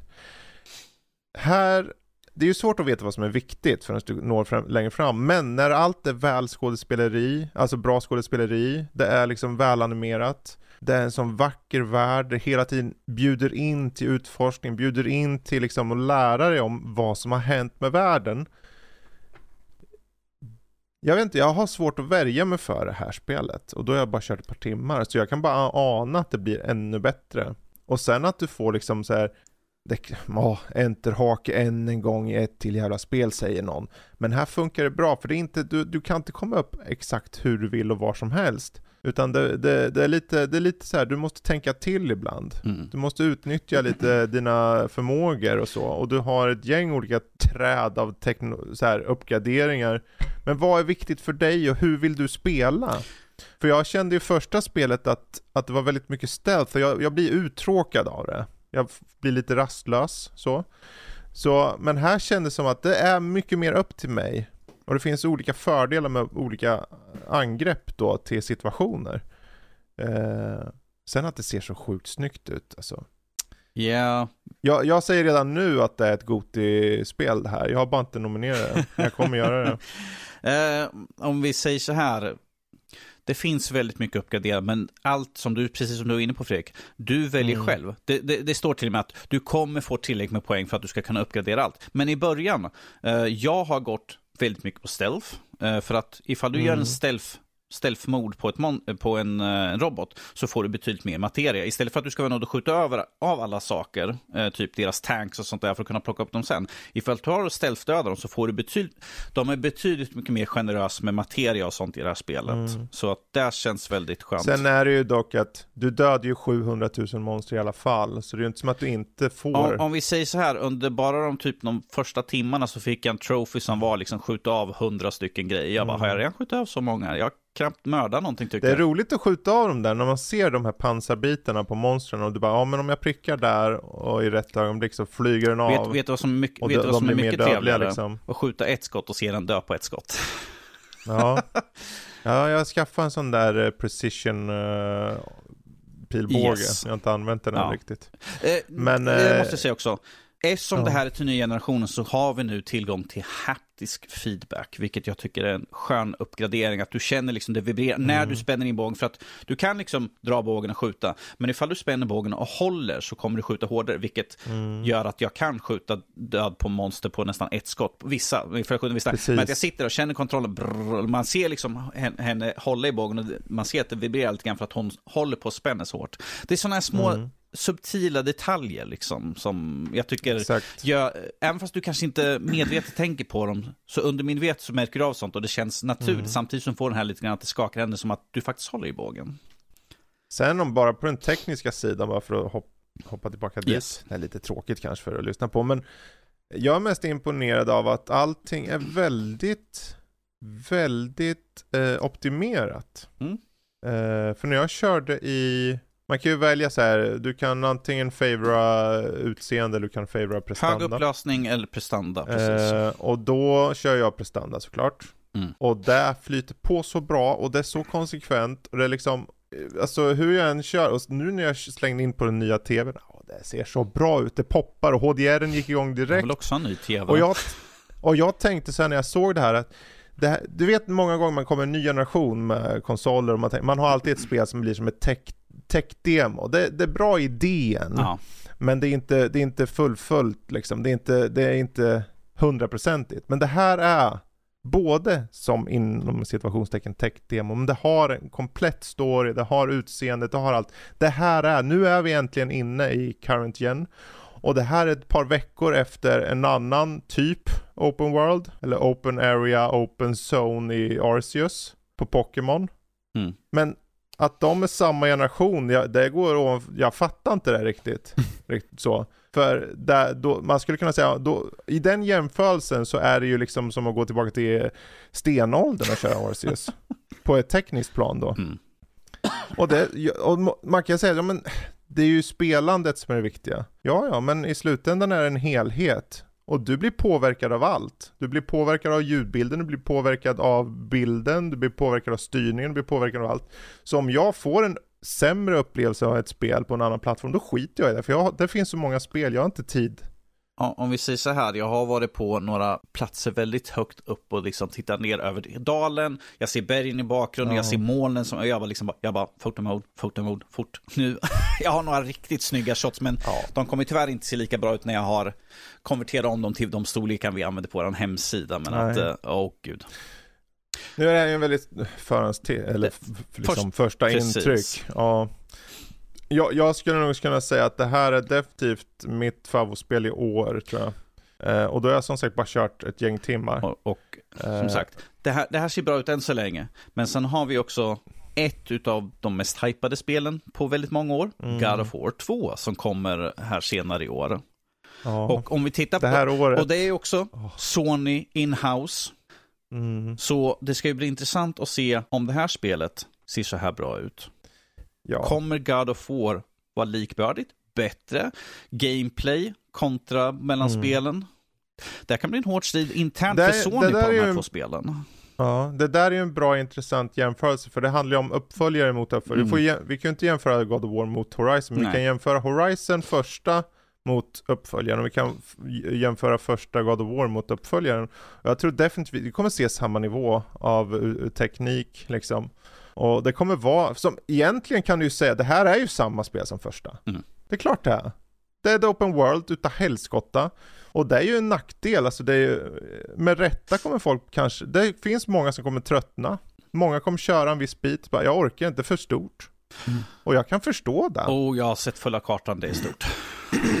ja, och det är alltid nackdelen med den här typen av spel. Det, ja. Och det, då, då har de ju God of War senare i år som inte är det, för det är ju en semi-open world, det var ju betydligt mer. Så de har båda mm. där. Och jag tror om den här, om redan jag nu säger att jag tycker det hittills, trots att jag säkert kommer sitta där om 40 timmar och bara, men är det inte klart snart? så, så kan jag ändå säga att jag ser ju vad det är och jag ser att de gör det bra. Så att om det här är en uppföljare och den har gjort så mycket bättre så kommer God of War vara mycket bättre än första. Eh, Men om du, om du inte gillar den här typen av spel, om du inte gillar God of War, eller om du inte gillar vad Pokémon vågar, vågar göra med, med Arceus som faktiskt är bra, ja då, då, då är det ju bara att skita i spelen. Om vi säger så här, konceptuellt kommer man ju aldrig gå ifrån grundutförandet. Vad är spelet någonting? Gameplayet, vad är storylinen, fortsättning på det. Men att det i det här fallet så kommer vi titta väldigt mycket på utförandet av uppföljarna egentligen. Grafiska, ja det är alltså Zero Dawn kasta, slängde i vägen, liksom, du, har, du har ingenting, inga ben att stå på innan vi kommer till den grafiska biten. Gameplay återstår att se liksom, i det långa loppet. Uh, om vi bara ser på där jag har upplevt än så länge så tycker jag att storyn lever väldigt bra upp till första. Så på den biten ser jag fram emot. Men som Fredrik sa det att du kanske, ifall du spelar, kanske suttit och kört 40 timmar och tänker, är det aldrig slut? Du behöver inte ta alla pluppar på kartan. Jag kommer försöka ta så mycket jag kan. Men jag kommer ju sikta först på att bli klar med spelet. För att ja. ifall det är som första spelet så kommer du ha en, en save-punkt där det kommer vara att vill du fortsätta? Och sen när du har klarat spelet så Precis. kommer du komma tillbaka och så kan du fortsätta plocka allting. För att det är, i min, det här min är lista intressant... är väldigt lång med saker jag har ja. som ligger. Jag tänker just pluppa på kartan, det är intressant, det finns en diskussion här någonstans, för man kan säga, det är lätt att säga så men du behöver inte tala pluppa på kartan, men alla vet ju att hela poängen varför du sitter och bara, jag måste bara, är ju för att det finns så många pluppar och hela konceptet med det är att du ska få spelarna att vilja ta den där också. Jag, jag, tänk, jag kommer ta, ta en jämförelse här med ett annat spel som jag, jag satt och... Men folk ger ju upp, det är ja. därför de ger upp, för de vet att de fastnar i det, för att de vill ju ta allt. Eh, eh precis, det är då jag det bättre att skita i eh, I väntan på att vi skulle få in spelet här nu under veckan, så satt man spelade lite Far Cry 6. Mm. Men jag tror att det här spelet har för mycket pluppar alltså. Du har, du har skattkistor, du har alla dessa uppdrag, du kan göra sånt mm. där. Jag har kört klart första området, Monteros tror jag de heter, eller någonting sånt där. Och ja. bara på den punkten känner jag liksom att det är för mycket saker som jag kan springa Precis. och plocka upp. Det är så många olika mm. kister överallt, det är så många saker. Där har vi en fördel, mm. det hade de förvisso gjort lite i Far Cry, men i tidigare Far Cry-spel, då var det så här att du hade procent och sånt, även på sådana här små, det var en kista ute i vattnet, mm. om du får den då får 100% och ja. allting. Här är det inte så, du kan ju hitta de här lådorna, i Horizon. Yes. Men de finns ju inte, de är inte att de är utplacerade på kartan så. Utan du hittar dem så hittar de. Det är Ja. inte att du är 100% genom att ta varenda jävla sån. För de, vissa av dem respawnar ju Ja. också, har jag märkt. Och det tyckte jag var skönt, för det betyder att jag vet, åh, jag behöver inte ta varenda jävla låda. För att jag har en miljard, hon, hon, hon blir ju full på en gång med grejer som åkte till den här kistan som Det är ju en helt bara. ny grej att i föregående spel så var det helt enkelt kolla bara, okej, jag har för mycket kvistar på mig. Ifall jag slänger 200 stycken så kanske jag får plats att plocka upp den här, det här eh, glasögat från det här monstret. Här har du inte. När du plockar på dig för mycket kvistar till exempel, du har 200 som du kan bära på dig max. Ifall du får plocka fler saker så kommer det skickas till en kista som finns i varje by du kommer komma till så finns det en samlingslåda där du kan gå och plocka. Eh, lite, tänk lite. Resident Evils eh, save-rum, eh, där det finns en låda där du kan stoppa av saker. Går du till ett annat save-rum så finns alla saker där. Konceptet är detsamma här. Så att du, jag springer, jag tittar så liksom, ja men det finns sådana här helande blommor. Jag plockar på mig för att jag vet, ifall jag får dåligt kan jag bara snabbresa tillbaka till en by, öppna kistan, plocka på mig en, sen sticker jag ut igen. Vad gjorde Danny i 13 timmar? Han plockade blommor. och kvistar. Om vi säger så här, jag rensade ut alla saker som gick att plocka i första området medan jag tog mig framåt. Så här, bara för att jag tänkte Ja. att Nu får du speeda upp här lite, nu kan du inte bara Nej, nej, men och det var för jag tänkte kvistar liksom att ja, kanske, eh, kanske någon stor fet första boss bara för att introducera mig lite, grann, ny, lite nya vapengrejer och sånt där. Ja. ja, oavsett. Eh, mina första intryck som är mycket kortare än dig Mm. är ju att det är väldigt bra och jag till och med nu säger att jag är nog redo för att säga Goti på det. Alltså rent tekniskt är det ju Goti nominerat. Eh, jag skulle inte säga Goti som att det är mitt Goti men snarare att det blir En, nominerat en till utav Goti många bara. Goti-nomineringar. Ja. Jag, jag Ehm. väldigt- Matte, har du kört eh, Horizon Zero Dawn? Nej. Okej. Har man Mm. inte kört föregående spel så tror jag inte man ska köra tvåan utan att ha kört första spelet. De får en jättebra recap Jo, i de får- början tycker Ja, du har ju våran, eh, våran kopia där ser jag. jag skulle säga, det, har du en PS5, skit i första. Ja, Okej. Hoppa till den här direkt. Okej. Det finns, eh, det, de pratar ju om exakt vad som händer i början eh, av spelet, om vad som hände i förra. Så då vet du ju. Ja. Om du inte har 60 timmar till övers. 60, vad, gud vad lågt. Jag ska inte säga hur många timmar jag hade på första Mm. spelet, 120. Mm. Så, men nej, nej, vad fan, har du en PS5, skit i första Ja, det har jag ju så. Jag, jag, är- jag är faktiskt lite smått nyfiken att se hur spelet flyter på på en PS4. Bara, bara för att se. Tydligen ska det vara väldigt stabila 30. Ja, jag- Alltså perfekt 30. Ja, jag, jag, jag skulle bara vilja se liksom eh, PS4-versionen och sen liksom bara springa igenom typ första dalen eller något sånt där. Bara för att se hur bra det är. För man kan ju, man kan man kan ju det. kolla man kan ju kolla en tri, man kan ju kolla någon som spelar igenom, men att det är ju inte liksom den... Jag, kan, jag kan fixa det. Ja, Jag har en ja PS4. precis. Jag med. Om du vill se den där. eh, bra, men vi, vi hoppar vidare nu för nu har vi eh, bashat Vi- på vi för kommer- mycket här om som sagt, Forbidden West. Är ni mer nyfikna? Recension kommer under nästkommande vecka. Så. Yes. Eh, bra, för nu är det ju så här att det är ju ett av de större spelen, men vad som också varit ett av de större spelen, det har ju varit Dying Light 2. Ja.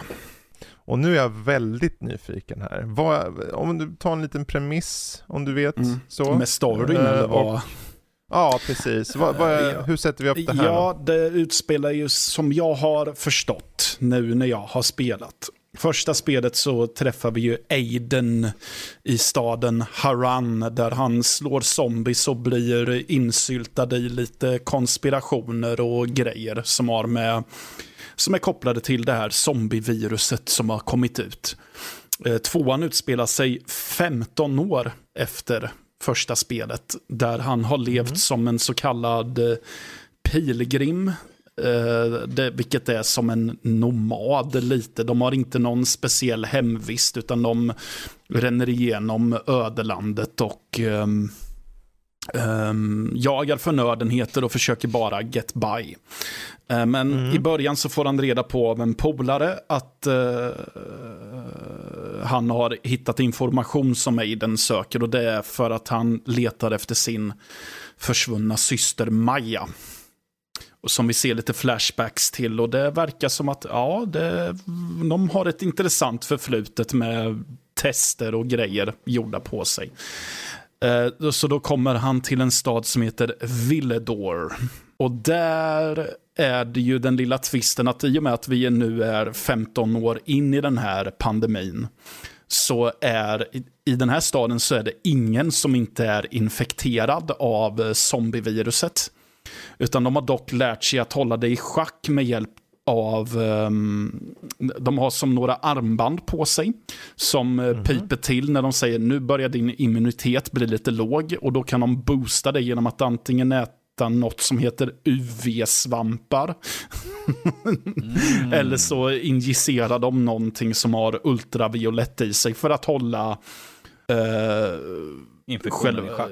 Eh, ja, precis. Eh, och det, sker när um, med mörkrets intåg. Så är man ah, i mörkret okay. för länge, då, då sjunker immuniteten. Jag tror att i läget jag är nu så har jag, går jag in i ett mörkt hus, då har jag fem och en halv minut på mig innan min immunitet sjunker för lågt. Men då har man, men då har man ju antingen de här svamparna som man kan gnugga i händerna och det hjälper tydligen. Mm. Man kan ta några inhalatorer som är mycket bättre. Mm. Eller så tänder man ultravioletta lampor istället. Så det räcker med att bara stå i UV-ljus så fylls den eh, mätaren upp igen. Mm. Men han blir ju insyltad i lite politik här också. Vi har dels en eh, harang med bara vanliga överlevare som vill eh, bara klara dagen och eh, ha en, ett drägligt liv. Och sen är det några som kallar sig för The Peacekeepers som ser sig själva som poliser i den här stan och de upprätthåller lag och ordning och räddar medborgarna men de är väl inte jätteschyssta alltid. Eh, främst har det att göra med nu, den konflikten som är, är att en snubbe som jobbade för The Peacekeepers eh, in, skulle leta information på de här eh, överlevarna. Eh, de, han vart påkommen och någon har mördat honom. Så det är på gång att det nästan ska bli ett krig mellan de här två fraktionerna. Så Aiden är någon slags, blir någon slags dubbelagent där han försöker lista ut vem det är som är mördaren. Och framförallt är det att han vill ju bara komma till något ställe som heter The Central Loop via tunnelbanestationen. Och för att komma dit så måste han få hjälp av andra. Så det är mest bara därför han hjälper dem att luska i allt det här och reda ut deras mm. krig. Så, och det är lite där man får förhålla sig lite. Ibland får du välja vem sida du eh, står på. Så, så det är lite mm. intressant. Um, sen är det ju väldigt mycket parkourande. i spelet. Man hoppar mellan hustak och man springer vid, över telefonledningarna och man svär när man inte lyckas med det där hoppet man tyckte att man borde ha gjort för att eh, nu, nu bryter han benen och grejer. ja. ja, och sen så är det väldigt mycket zombies att slå ihjäl på gatorna och på natten så kommer det ju lite snabbare zombies som är mm. mycket jobbigare. Uh, så. Um, plus att det också finns banditer. Uh, stöddiga människor som vill slå dig på käften bara för att du råkar gå förbi där de var just då. Uh, så. Uh, och sen så finns det lite random encounters som sker. Det kan vara någon som ropar på hjälp för att han håller på att bli slagen av banditer eller håller på att bli uppäten av en massa zombies. Och då kan man komma dit som en räddare i nöden, mörda det som håller på att få en belöning. Mörda det som mördas kan. Ja, men precis så. Um, jag tycker väl att storyn var till en början, just bara med det här konceptet att äh, jag vill bara rädda min syster. Det var jag lite så ja, men snark. Det här har jag ju sett flera gånger. Eh, men eh, jag blir ändå lite engagerad längre fram när storyn blir lite mer komplex och när alla moraliska val börjar dyka upp. Och just när det känns som att jag får faktiskt eh, välja hur neutral eller inte Aiden ska vara i vissa fall. Så, mm. um, så det känns som att till viss del kan man nog påverka hur vissa uppdrag ter sig. Um, jag, kun, jag tenderade att bli lite irriterad på en del grejer. Som jag irriterade mig bland annat på att för det enda sättet du kan eh, ta dig framåt på det är att eh, han springer. Det finns ingen walk-knapp och det finns ingen sprint-knapp, utan han springer bara. Och visst, springer man blir man anfodd, men jag vart irriterad på att han började flåsa som att han skulle dö i en hjärtinfarkt vilken sekund som helst. Han låter som mig när jag kliver ur sängen alltså. Ja, precis. um, Nu är jag öppen. så det var väl en grej. Och sen så har jag haft lite där, men i sådana här, i många öppna världsspel, varför ska man alltid spela som en illa omtyckt individ av någon anledning? Jag är så trött på att gå runt och höra folk säga elaka saker om mig. Som, det var en mamma, jag räddade hennes barn och hon var tacksam i kattsinen, men sen i nästa scen när det går tillbaka till spelandet så, jag kan inte, jag kan inte fatta att jag bad dig om hjälp. Ja, men gud. Matte, Matte, du kanske ska spela Horizon Forbidden West, för alla bara oh, den smorde, åh, frälsaren, hon är här för att rädda oss, åh, hon kommer rädda hela världen, Så, he- vart man än är, liksom så här, åh, du är den bästa någonsin, rödtott. Ja, sen så har vi ju... Ja, det, det är lite, också lite grejer som att jag, jag tycker att jag misslyckas med vissa hopp och vissa klättringsmoment när jag inte tycker att jag borde ha gjort det. Jag blir irriterad på att min stamina försvinner så jävla fort även om jag har eh, uppgraderat den jättemycket. För det får man ju göra efter ett tag. Eh, det finns eh, några grejer som heter inhibitors. När man har samlat på sig tre sådana så kan man uppgradera kom, eh, hälsa eller stamina. Okej. Ja. Ja, alltså jag måste säga, jag blir ju ändå väldigt nyfiken på det, för det ser väldigt så här brutalt Ja, ja, och gud ja, det är det. eh, slafsigt ut liksom. det, det, och... det är otroligt slafsigt och det, combat är faktiskt väldigt kul. Jag tycker att det funkar. De Mm. har ju en mekanik i att, framförallt när du slåss mot eh, andra människor så kan du ju blocka med ditt vapen och blockar du i rättan tid så kan du få dem att stagger. Och då kan du dess, Ja. när de är staggered så kan du dessutom hoppa över dem och göra en luftspark emot en annan snubbe. Och då blir ju han staggered så då antar jag att du kan är göra det, samma är de här movesen, är det något man låser upp och sånt eller har man det från start? Liksom? Eh, Ehm, man låser upp dem, men det är också en sanning med modifikation. För första gången du får spö skiten ur några snubbar så låser du upp en parkour-skill och då, då säger spelet så, lås upp, nu trycker du här för att låsa upp den här skillen. Eh, Okej. Ja, men sen kan du ju förfina det, till exempel att de kan bli staggered av att du eh, bara dodgar åt sidan i rätt tid mm. också. Så du, du låser upp det med tid, gör du. Okej. Så det, Mm. det, ja, men, eh, jag tycker att det är kul ändå. Det, det, Kul, frågetecken, utropstecken. Tycker det är kul. nej, men alltså, jag, jag växlar väldigt mycket mellan att bli, vara väldigt underhållen. Jag tror du skulle komma Mm. väldigt bitter. Ja, men ja, ja, det finns ju en viss bitterhet också, men jag kan inte riktigt sätta ordet på vad det är. eh, Riktigt. Det kan väl vara just att eh, jag trodde att jag skulle vara mycket mer less på att det är ett open world-spel, men jag, har- det har inte känts så påtagligt för att det är så väldigt story-fokuserat Mm. ändå. Så just, eh, och i och med att det ändå är ganska kul att försöka ta sig igenom staden utan att nudda trottoarerna överhuvudtaget och helst utan att ramla ner överhuvudtaget så är inte sträckan mellan uppdragen särskilt tråkig. Plus att du kan ju stöta på någon annan karaktär som vill ge dig ett uppdrag. Jag var nog med om ett av de mest banala uppdragen i ett sånt här spel någonsin. Okej. Ja, för att det var bara en, för att det var en snubbe jag skulle prata med. Och jag tänkte, ja men nu får jag ett quest av honom då. Men han, det var bara en konversation som jag skulle sitta och lyssna på. Om hur han har Okej. lärt sig att vara tålmodig gentemot livet. På grund av att han har ägt fiskar i hela sitt liv. Ja men du har lite utlägg som, ja men en fisk bekymrar sig inte om att han bor i en jätteliten skål. Han finner sig bara i det. En fisk bekymrar sig inte om att det är ett rövhål som håller på och knackar på väggen eller något sånt. Han finner sig bara i det och fortsätter att bara vara en fisk. Ungefär. En fisk? Ja.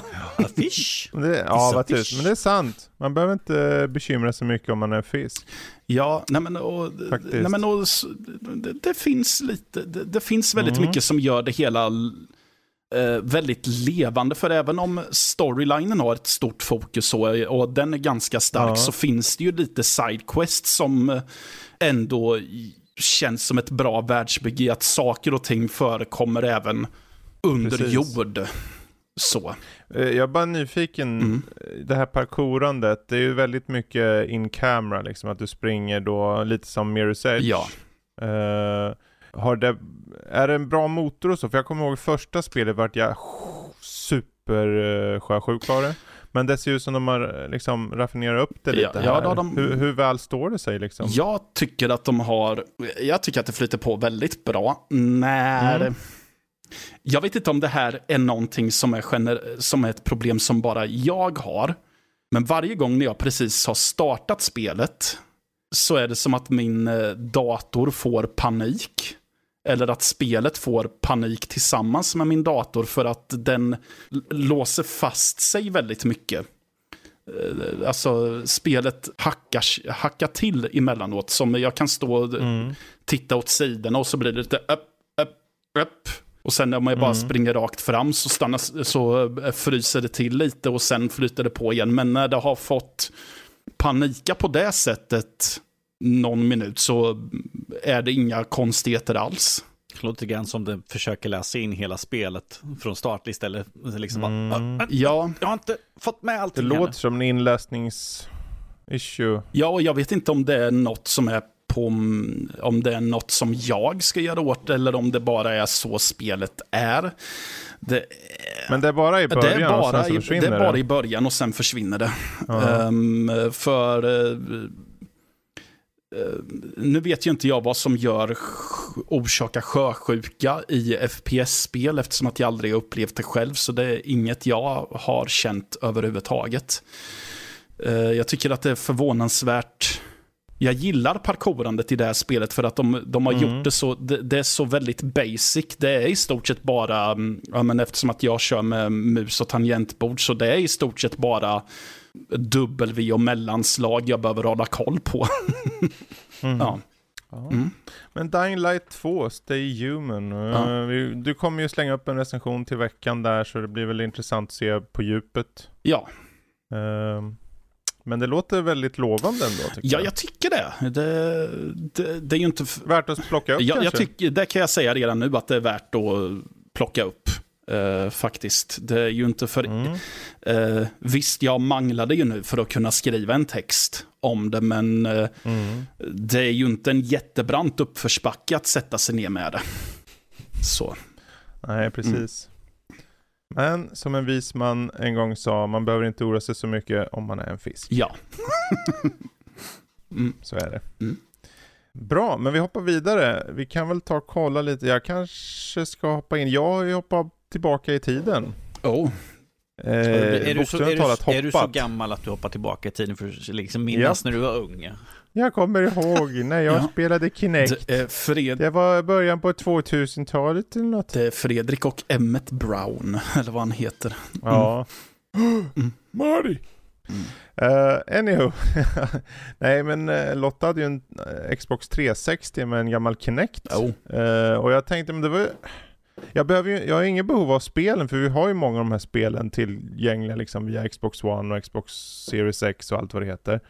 Så jag tänkte, men vad, vad, vad har du med på den här? Hon hade ju Dance Central 3. Oh. Eh, som är en av de bästa då, de här eh, motion-spelen liksom. Du, den kameran plockar upp dig och du står och dansar och du ska vara i samma liksom eh, du ska göra samma rörelser. Som, Fred- eh, sen hur exakt Fredrik. det är. Ja, Det viktigaste, finns det filmbevis på det här? Det finns inte filmbevis. Det finns fotobevis. Ja, det, är inte tillräckligt, det är inte tillräckligt roligt. Ja. Jag körde lite grann där, jag vet att Lotta körde mer. Men eh, något som slog mig var att när, dels att det faktiskt funkar. Mm. Det var ju så mycket, ni, ni vet ju allt det här snacket, oh, Kinect, ditten och datten och hiten och diten och så. Mm. Men i slutändan man, när, vad det egentligen handlar om att vill du ha kul för en stund och du vill röra på dig, Mm. Så var det väldigt, eh, dynamiskt och kändes liksom ganska fräscht så här många år senare. Mm. Som att, ja men det här var väl ett bra koncept, varför blev det inget mer av det? Ja, ja, men jag minns det också att eh, nu var ju det när det var nytt som jag spelade Kinect, Mm. men jag vet att jag själv var fascinerad över att det här funkar ju faktiskt. Ja. Mm. För det, sen finns det ju, det är, mycket hänger på hur många spel finns det, hur utnyttjar det Kinecten Mm. till fullo? För det är ju där det kanske stagnerar lite, det fanns liksom, det vart mer gimmick på många spel. Jo, Men eh, i, i alla fall vad gäller det här spelet, och någonstans, det har ju släppts e- efter Kinect-vågen har dött och alla de här motion controllerna, visst vi har motion controllers i Joy-Cons idag, vi har det i, i DualSensen och så vidare och så vidare. Men det är ju inte som att det är så många som står där och dansar framför tvn på samma sätt. nej. Vi har Just, heter det Just Ja. Dance tror jag det heter Mm. från, från Ubisoft. Ja.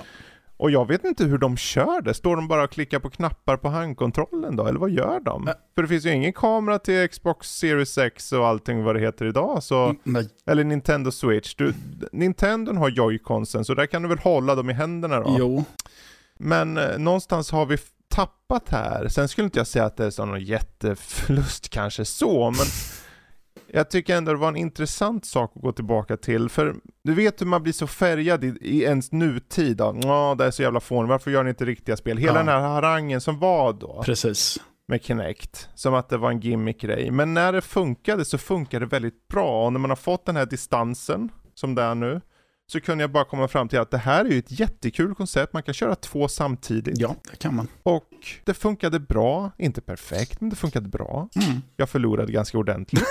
men eh, jag vart svettig. Mm. Och jag hade kul. Och i slutändan är väl det allt som behöv, behöver betyda Det är något, väl, liksom. eh, det, tycker jag i alla fall, det är väl i slutändan det enda som spelar någon roll med spel när allt kommer omkring. Att hade du kul. Mm. Sen finns det ju förvisso Precis. spel som vill att man ska må dåligt också förvisso, men då har man väl haft kul i att må dåligt. Jag vet, ja, jag vet okej, inte. Ja. Mhm, Okej. Kanske. Ja. Nej, jag, jag kan bara säga att det, det var kul att hoppa tillbaka och jag kommer testa lite mer sådana här Kinect-spel, se vad det finns. Eh, en sak jag märkte nu med 360 att det var ju väldigt mycket som var avstängt. Det var väldigt, väldigt mycket som inte gick att nå Mm, Okej. alls faktiskt. Väl. Så vi får se om det finns något att, att testa ens. Eh, jag tog, och sen märkte man också att deras, den här trådlösa anslutningen var ju eh, inte särskilt bra. Okej. Jag skulle ta ner eh, en fil på typ 300 meg. Det tog hela kvällen. Eh, och det är inte att min lina är dålig, det är ju att tr- trådlös nätverksanslutningen på 360 var Du skräp. kunde lika gärna tagit och bärt en bit i taget så hade det säkert gått snabbare. Så liksom, från bägge taget och sen gick du liksom till Xboxen. Här har du, nu går tillbaka. Och Ja. en till. Men om ni sitter där hemma och ni har någon gammal 360 med Kinect, ja men ge det en chans och eh, hoppa runt lite. Ja. Det, ni aktiverar er. Lotta körde ett helt, hon körde en halvtimme i sträck på en sån här en playlist. Mm. och vart alldeles eh, däst och så. Det vart jätte, jätte, en, vad heter det, en aktiverande. Mm. Liksom. Fredrik, Lotta blir däst av att bara titta på en andra gör fysisk aktivitet. Hon Jag bara, jag kan- måste sätta mig och vila. Jag kan tänka mig att sitter det- man på en eh, 360 utan Kinect så finns det säkert jättebilligt på typ Myrorna eller Erikshjälpen eller något sånt där. precis. Jag har min, min precis. hela gamla stående inne i sovrummet. Så. Mm. Dock ingen Kinect. Din så Jag Kinect? har aldrig haft en Kinect så, faktiskt. Okej. Har aldrig sett det liksom som Ehm. en sån... Jag bara, nej, jag vill inte skutta. Jag är, jag är en soffpotatis. Ifall man läser mina, mina uh, uh, in-ear uh, Jabra eh, Elite 4 Active liksom. Då Mm. kan man läsa liksom, if- det är bra hörlurar, men if- det är också bra för en soffpotatis som mig som vill bara lyssna på musik eller något sånt där. Du är ändå ganska aktiv, du skriver att du är ute och går och grejer. Jag är ute och gått, jag har eh, Så. dragit Okej. fram, dammat av Orbitracker bara för att liksom testa av, för att bli riktigt Ja. svettig och se, sitter lurarna kvar? Jag och, sen, trodde- och sen rör inte jag mig på ett halvår till och.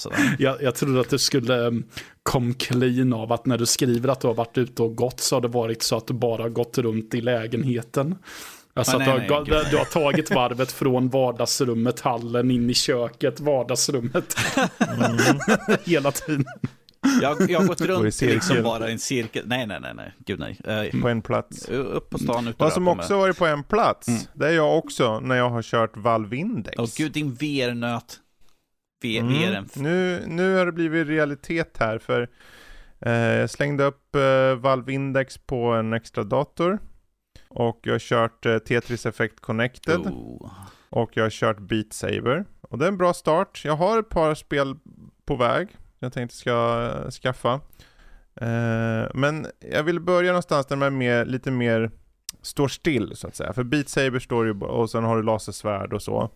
Och det vet ju Ja. alla. Det är skitbra spel och jättekul och Ja, sådär. för Tetris, förvisso. är, Tetris är inte så fysiskt krävande så att säga. Ja, förvisso sett Nej, folk Tetris- eh, stå och göra riktiga moves till Beat Sabers.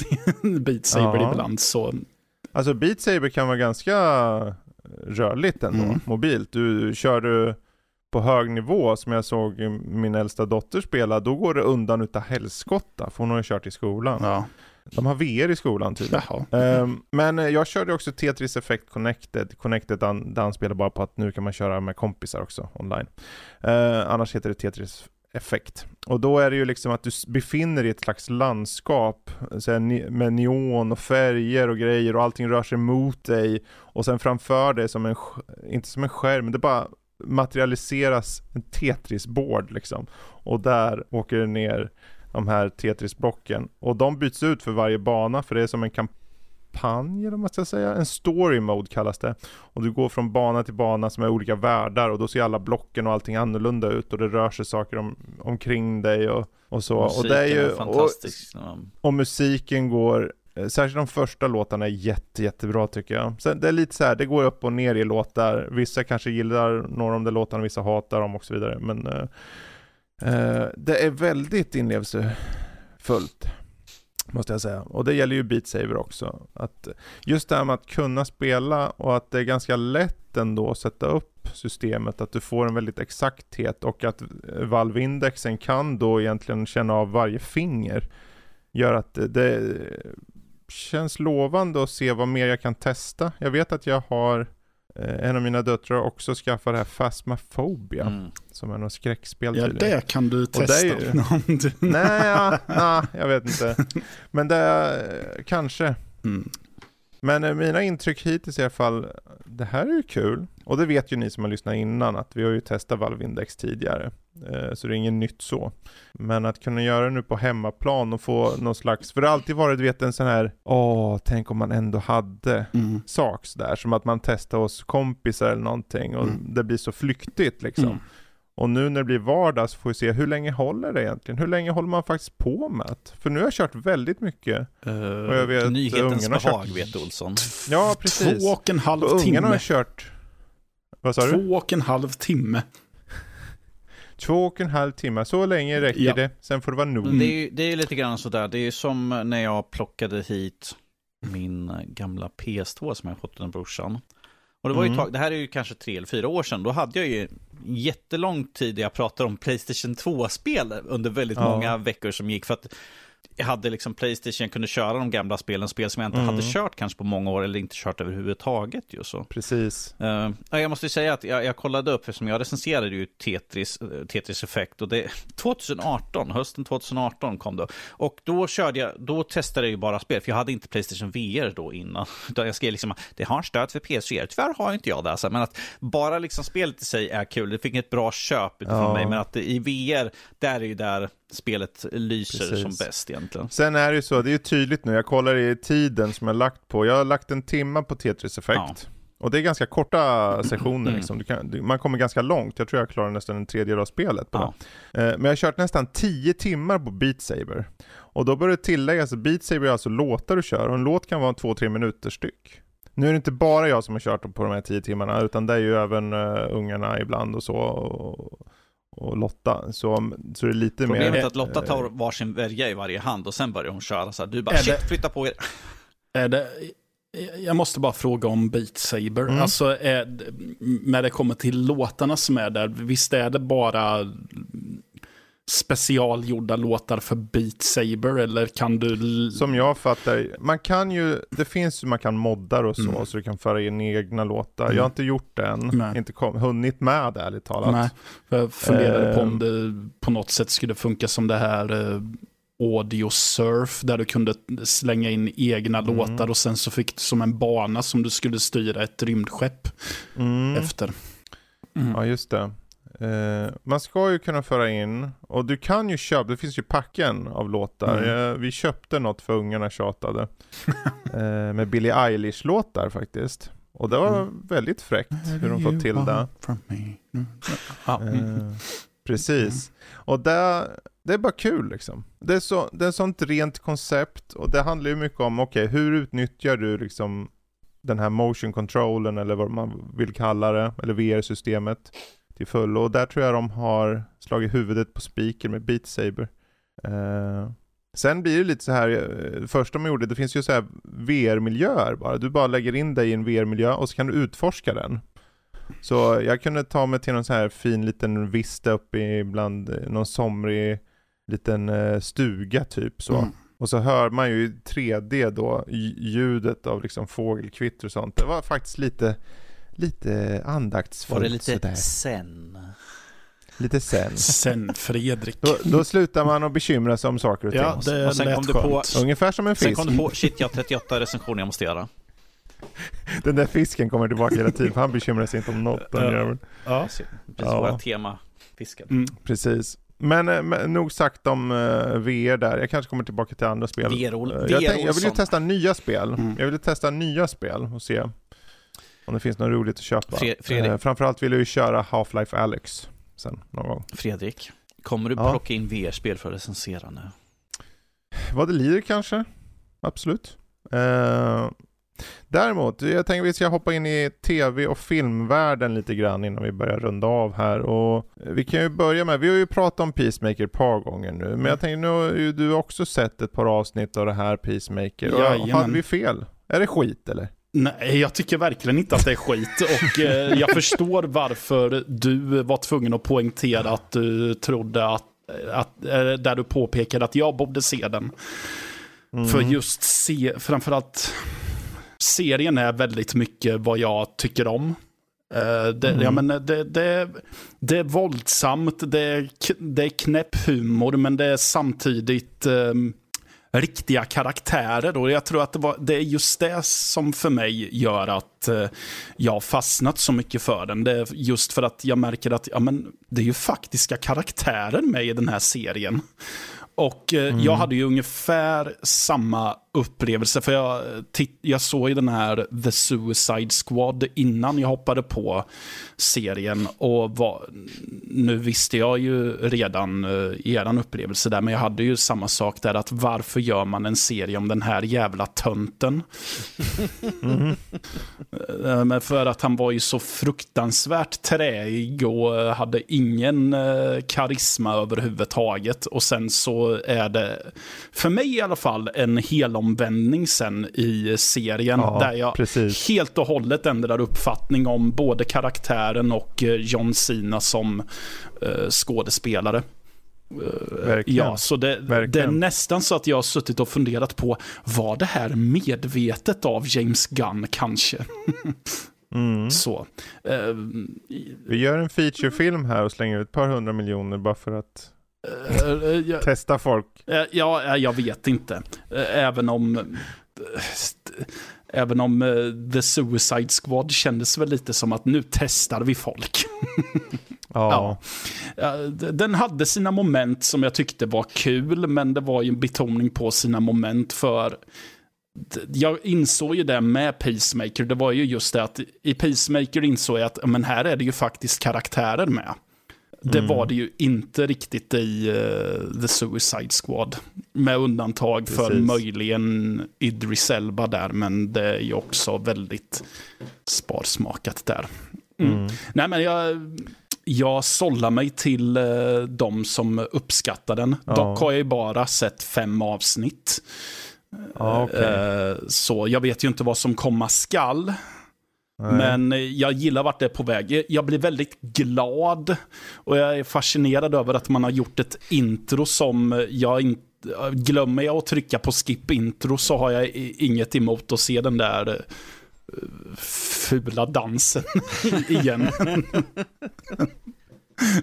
så, Ja, men det är ju som vi har pratat om liksom föregående veckor, så Mm. att man, jag var så här, ah, Peacemaker vilken, usch, Ja. vad tråkigt. Ja. Jag tyckte inte om hans karaktär och han gjorde fel. Ja. Jag vill ju se andra komma vidare, varför ska de göra på han? mm.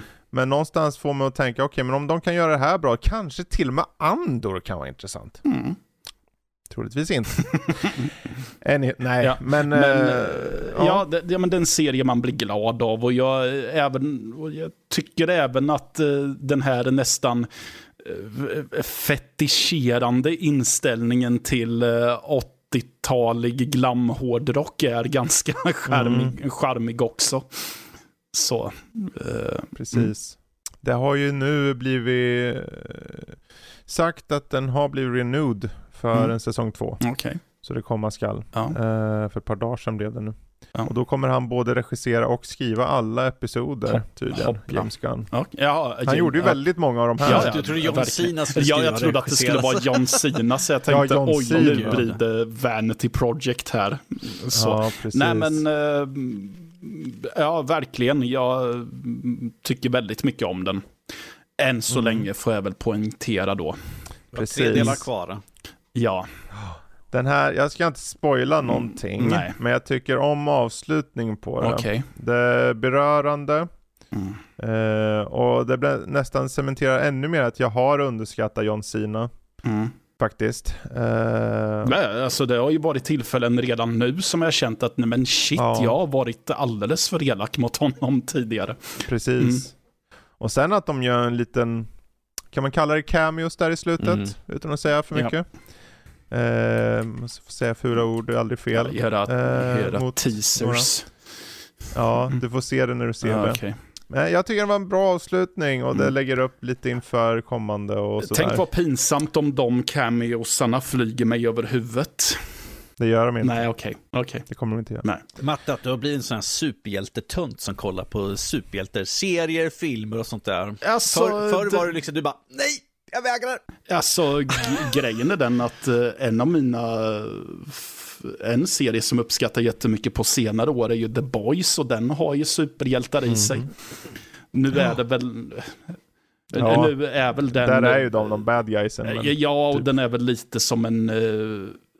den började väl som någon slags kritik mot superhjältefiktion, men den har väl nästan blivit sin egna bäst nu. Mm. Jag, jag, jag, tycker, det här är ju återigen också så här kul, liksom hur vi växer liksom. För förr, Matte hade nästan inte sett, du hade nästan inte sett några superhjältar, nu har du sett nästan allihopa och du sitter här just nu och eh, talar väl om en tv-serie.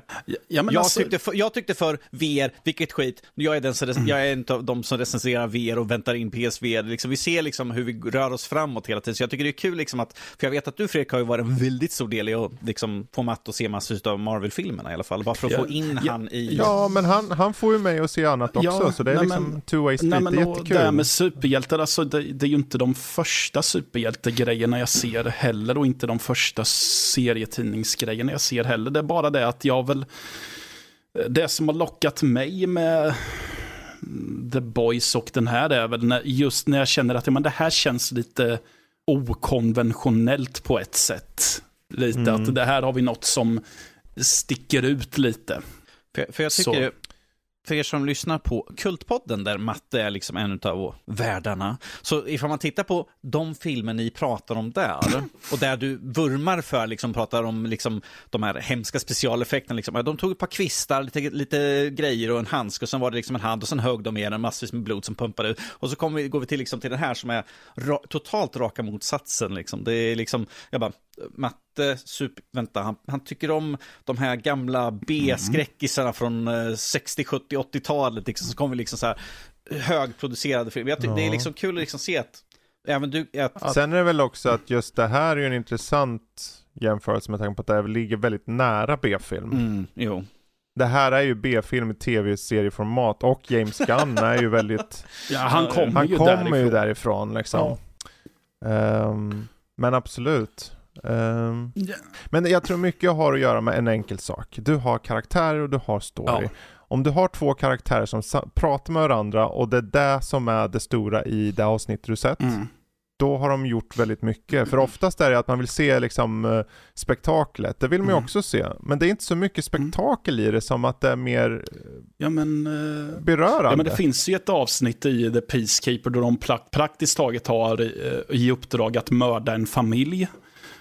Med, Mm. ett, med ett krypskyttegevär. Och det är väl, eh, och den där familjen är ju minst sagt speciell. Eh, Mm. Men det jag kommer ihåg mest är ju just interaktionen mellan de två karaktärerna som ligger och spanar mot huset egentligen och vad som händer emellan Ja. de två. Så den har ju väldigt mycket sånt med. Så det är ju inte bara just det här blod, slafs, knas spektaklet som man kan tro att James Gunn ska göra, utan den har ju Precis. väldigt mycket annat också. Ja. Mm.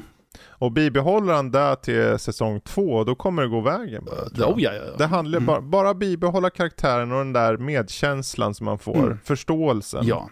Eh, och så, så, och jag har en känsla av att de kommer kanske, de kanske introducerar många nya karaktärer till nästa säsong. Mm. Och det räcker inte med Kanske. vi- Vigilante som är knasig. Ah, Igli, Igli for president. Ja, ja. Iglian. Han gör ju allt rätt. ja, eller hur? Så söt så. Ja. Ja. Ja, ja, oavsett, Peacekeeper, se den serien om ni inte har sett den. Hela säsongen finns ute. Är det HBO? Max. HBO. HBO Max. Yeah. Bra, vet ni vad? Jag tror vi tar och rundar av här. Eh, men innan det så tänker jag, ja, angående just eh, motion controllers, och vi var ju indirekt kanske VR också då, mm. men jag tänker vi gör det lite som en Discord-fråga för den här veckan. Eh, där frågan är egentligen vilken eller vilka motion controller var, var era favoriter eller er favorit? Och då liksom, det kan vara Wii Remote, det kan vara Kinecten i sig, vi kan vara lite luddiga så här, det kan, in, kan ha till och med DualSense och DualShock och eh, Joy-Cons och Playstation Move och allt vad det heter. Så, så får ni hoppa in på vår Discord, den finns ju att nå på hemsidan. En stor fyrkant till höger sida, står Connect på den. Mm. Kommer du rakt in på Discord. Så kan du gå in till, uh, leta dig fram till omröstningar och där så har, kommer du ha inom förhoppningsvis nära tid, eh, om inte jag flyttar hela dagen imorgon, eh, den här omröstningen eh, tillgänglig. Annars kommer den ut snart eh, när ni hör det här. Så börja med det. Och i övrigt är det så att ni vill ha mer av oss, då vet ni ju nördliv.se eller nordlivpodcast.se på internet där ni kan läsa recensioner och inlägg och artiklar i allmänhet och krönikor och så vidare. I annat fall eh, Twitter, Instagram, ätnordliv.se. Kan ni Mm. hitta allt roligt Och. Facebook också. Precis, Facebook. Precis. Så, men eh, då så. Då ska vi ta och eh, softa lite nu. Nej, Ta nej, det nej, nej. Det blir massa spelande här nu. Massa, Massa spelande. spelande. Har recension att skriva så massa spelande. Ja, ja. ja, ja. Men det är ingenting ni där ute behöver bekymra er. Eh, och inte fiskar heller. Ja. Nej. Så. Ja, precis. En vis man sa att fiskar bekymrar sig inte om någonting. De Nej, är bara så är fiskar. Ja, Ja. de är bara fiskar. Så vi ska vara fiskar och simma iväg. Så ha det bra allihopa där ute så hörs vi snart igen. Hej då! Hej då. Hej då!